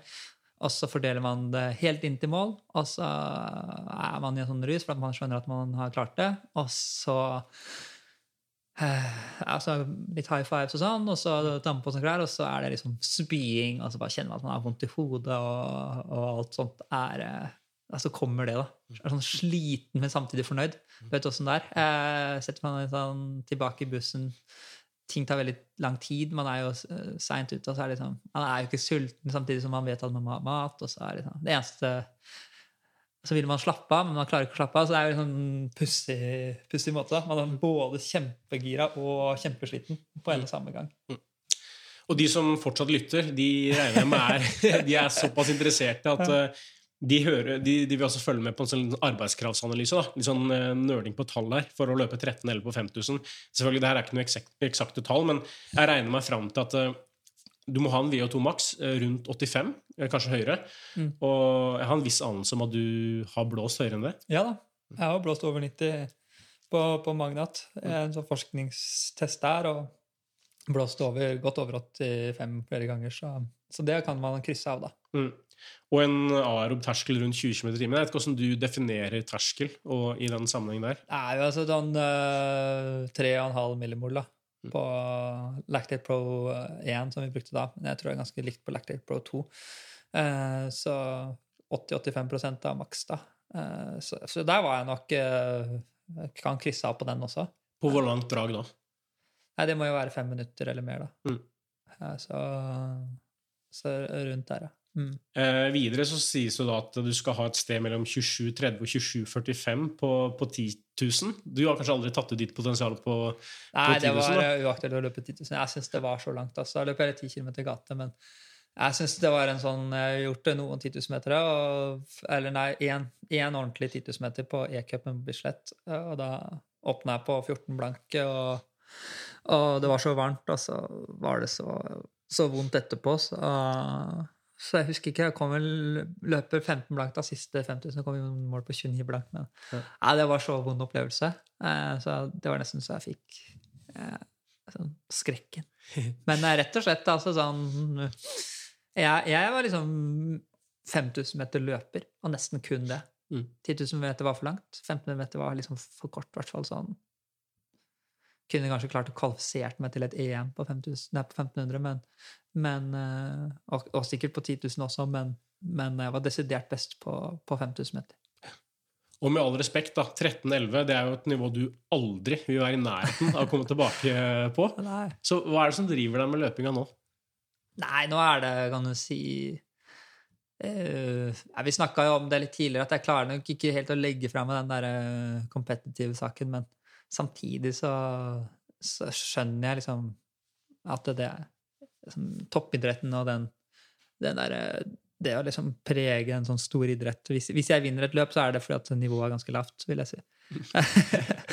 men, eh, men jeg har lyst til å vinne løp igjen, men eh, eh, nå er det disse lange fjelløpene, og det er liksom en sånn, sånn opplevelse i seg sjøl. Det er liksom man, det er sånn fascinerende fra et mer sånn eksistensielt perspektiv, vil jeg si. Jeg å bare strekke strikken så langt og havne i kjelleren, og så finner du ut at det er enda en kjeller, Mm. hvis du skjønner. Og i den kjelleren så er det liksom en trapp opp til himmelen, nesten. Det er liksom sånn, det opplever man på, på sånn ultraløp. Uh, så det syns jeg er liksom fascinerende. Og der, der, der er det jo supermange aspekter, vel liksom også med prestasjon. Da. Det er liksom kosthold, disponering, utstyr, uh, trening. Det er liksom en helt ny verden som er nesten større enn det å løpe. Liksom. Uplø virkelig upløyd mark, da, føler jeg. Eh, både sånn personlig, men også i, i miljøet. Så sånn veldig sånn fascinerende, men, men det er også at det sånn, skaper veldig gode opplevelser og ekstremt fine løp da, eh, rundt omkring i hele verden. Og det er mer, mer den derre reise- og um, opplevelsesaspektet. Så, uh, så det er sånn De der lange ultraløpene kan ta meg til veldig morsomme steder, da. Både sånn geografisk, men også eh, i hjernen. Så det er vel eh, det som driver meg mest nå. Vi skal, vi skal runde her nå, men jeg må bare avslutte med Jeg så litt på resultatlista fra VM-finalen på 5000 i 2013, og foran deg på lista så er det sånne gullgrossister som Mo Farah, Bernard Lagat, Mukhtar Edris, Galen Rupp.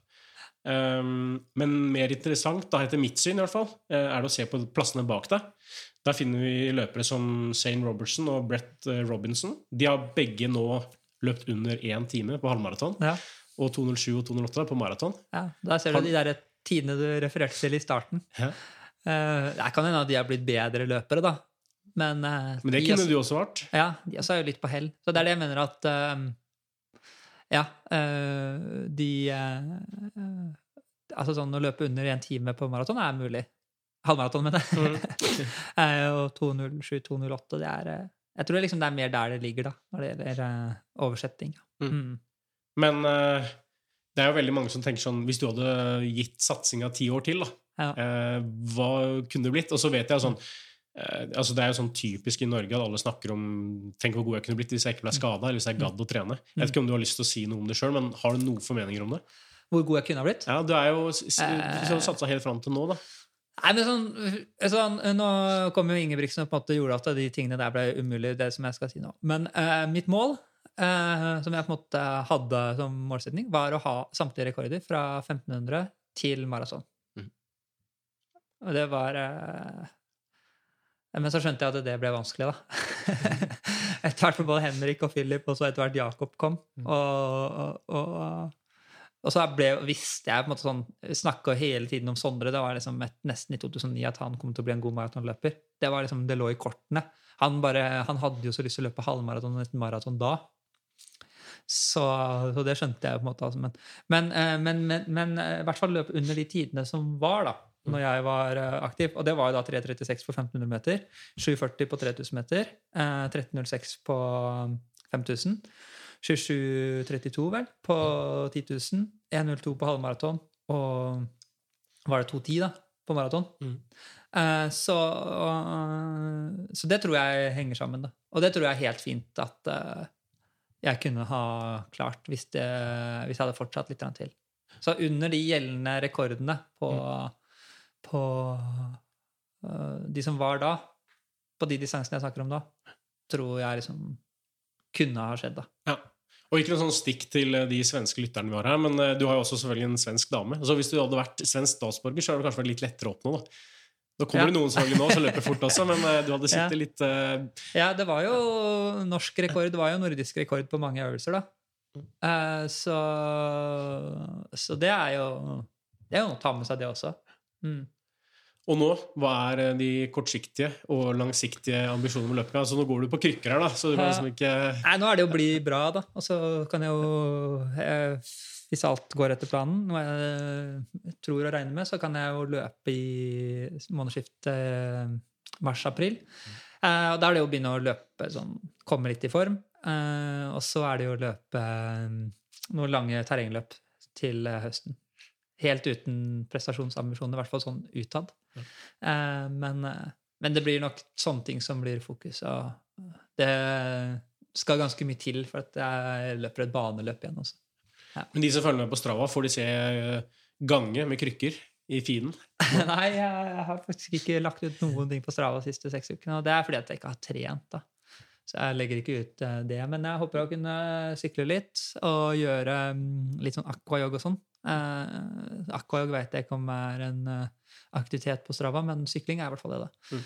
Så innom Swift og Vatopia, som var det der øya man sykler på der. Bra. Nei, det blir spennende å se når du, når du kommer i gang igjen. Jeg, det er mange som uh, syns det er moro å følge med på det du gjør også nå i terrengløping. vet jeg. Så Ja. håper du får mye fine opplevelser og gode prestasjoner da, over tid, nå også med, med den uh, idretten. Ja, takk for det. Så Nei, jeg, jeg skal eh, sånn, Jeg kan jo røpe det at målet er jo på en måte på sikt å gjøre UTMB, da, som er eh, Ultra Trail Mont Blanc. Eller lignende. Må nødvendigvis ikke være det, men det er en 100 miles-løp, eh, 160 km, med 10 000 høydemeter. Og da er, det ikke, er det ikke for å slå Kilian eller noe, da er det for å måte, komme i mål. Eh, men, men det hadde måte vært en sånn, en sånn bucketlist, da, hvis man skal si det. Eh, Så det håper jeg at jeg kan klare å få til da, på en eller annen gang. Spennende. Mm. Det er litt kontraster i det òg, fra 5000 meter på bane. Ja, her holder du på et døgn, da, og vel så det. Eh, Så, så det kan ikke sammenlignes. Det er, det er ikke noe verdi å løpe sånn 60 runder, da. Avslutte på 60 runder i, nede i Chamonix der. Det hadde jo hadde vært stas, det. Vi får uh, ta med oss det at vi, du må ned i kjelleren og leite i det dype mørket, og så fins en trapp opp til himmelen i andre sida der. Ja, det er sant. Veldig bra. Nei, tusen hjertelig takk for praten. Veldig hyggelig at du tok deg god tid. Ja, takk Mye å for hente gode spørsmål. Glimrende. Vi snakkes. Vi snakkes.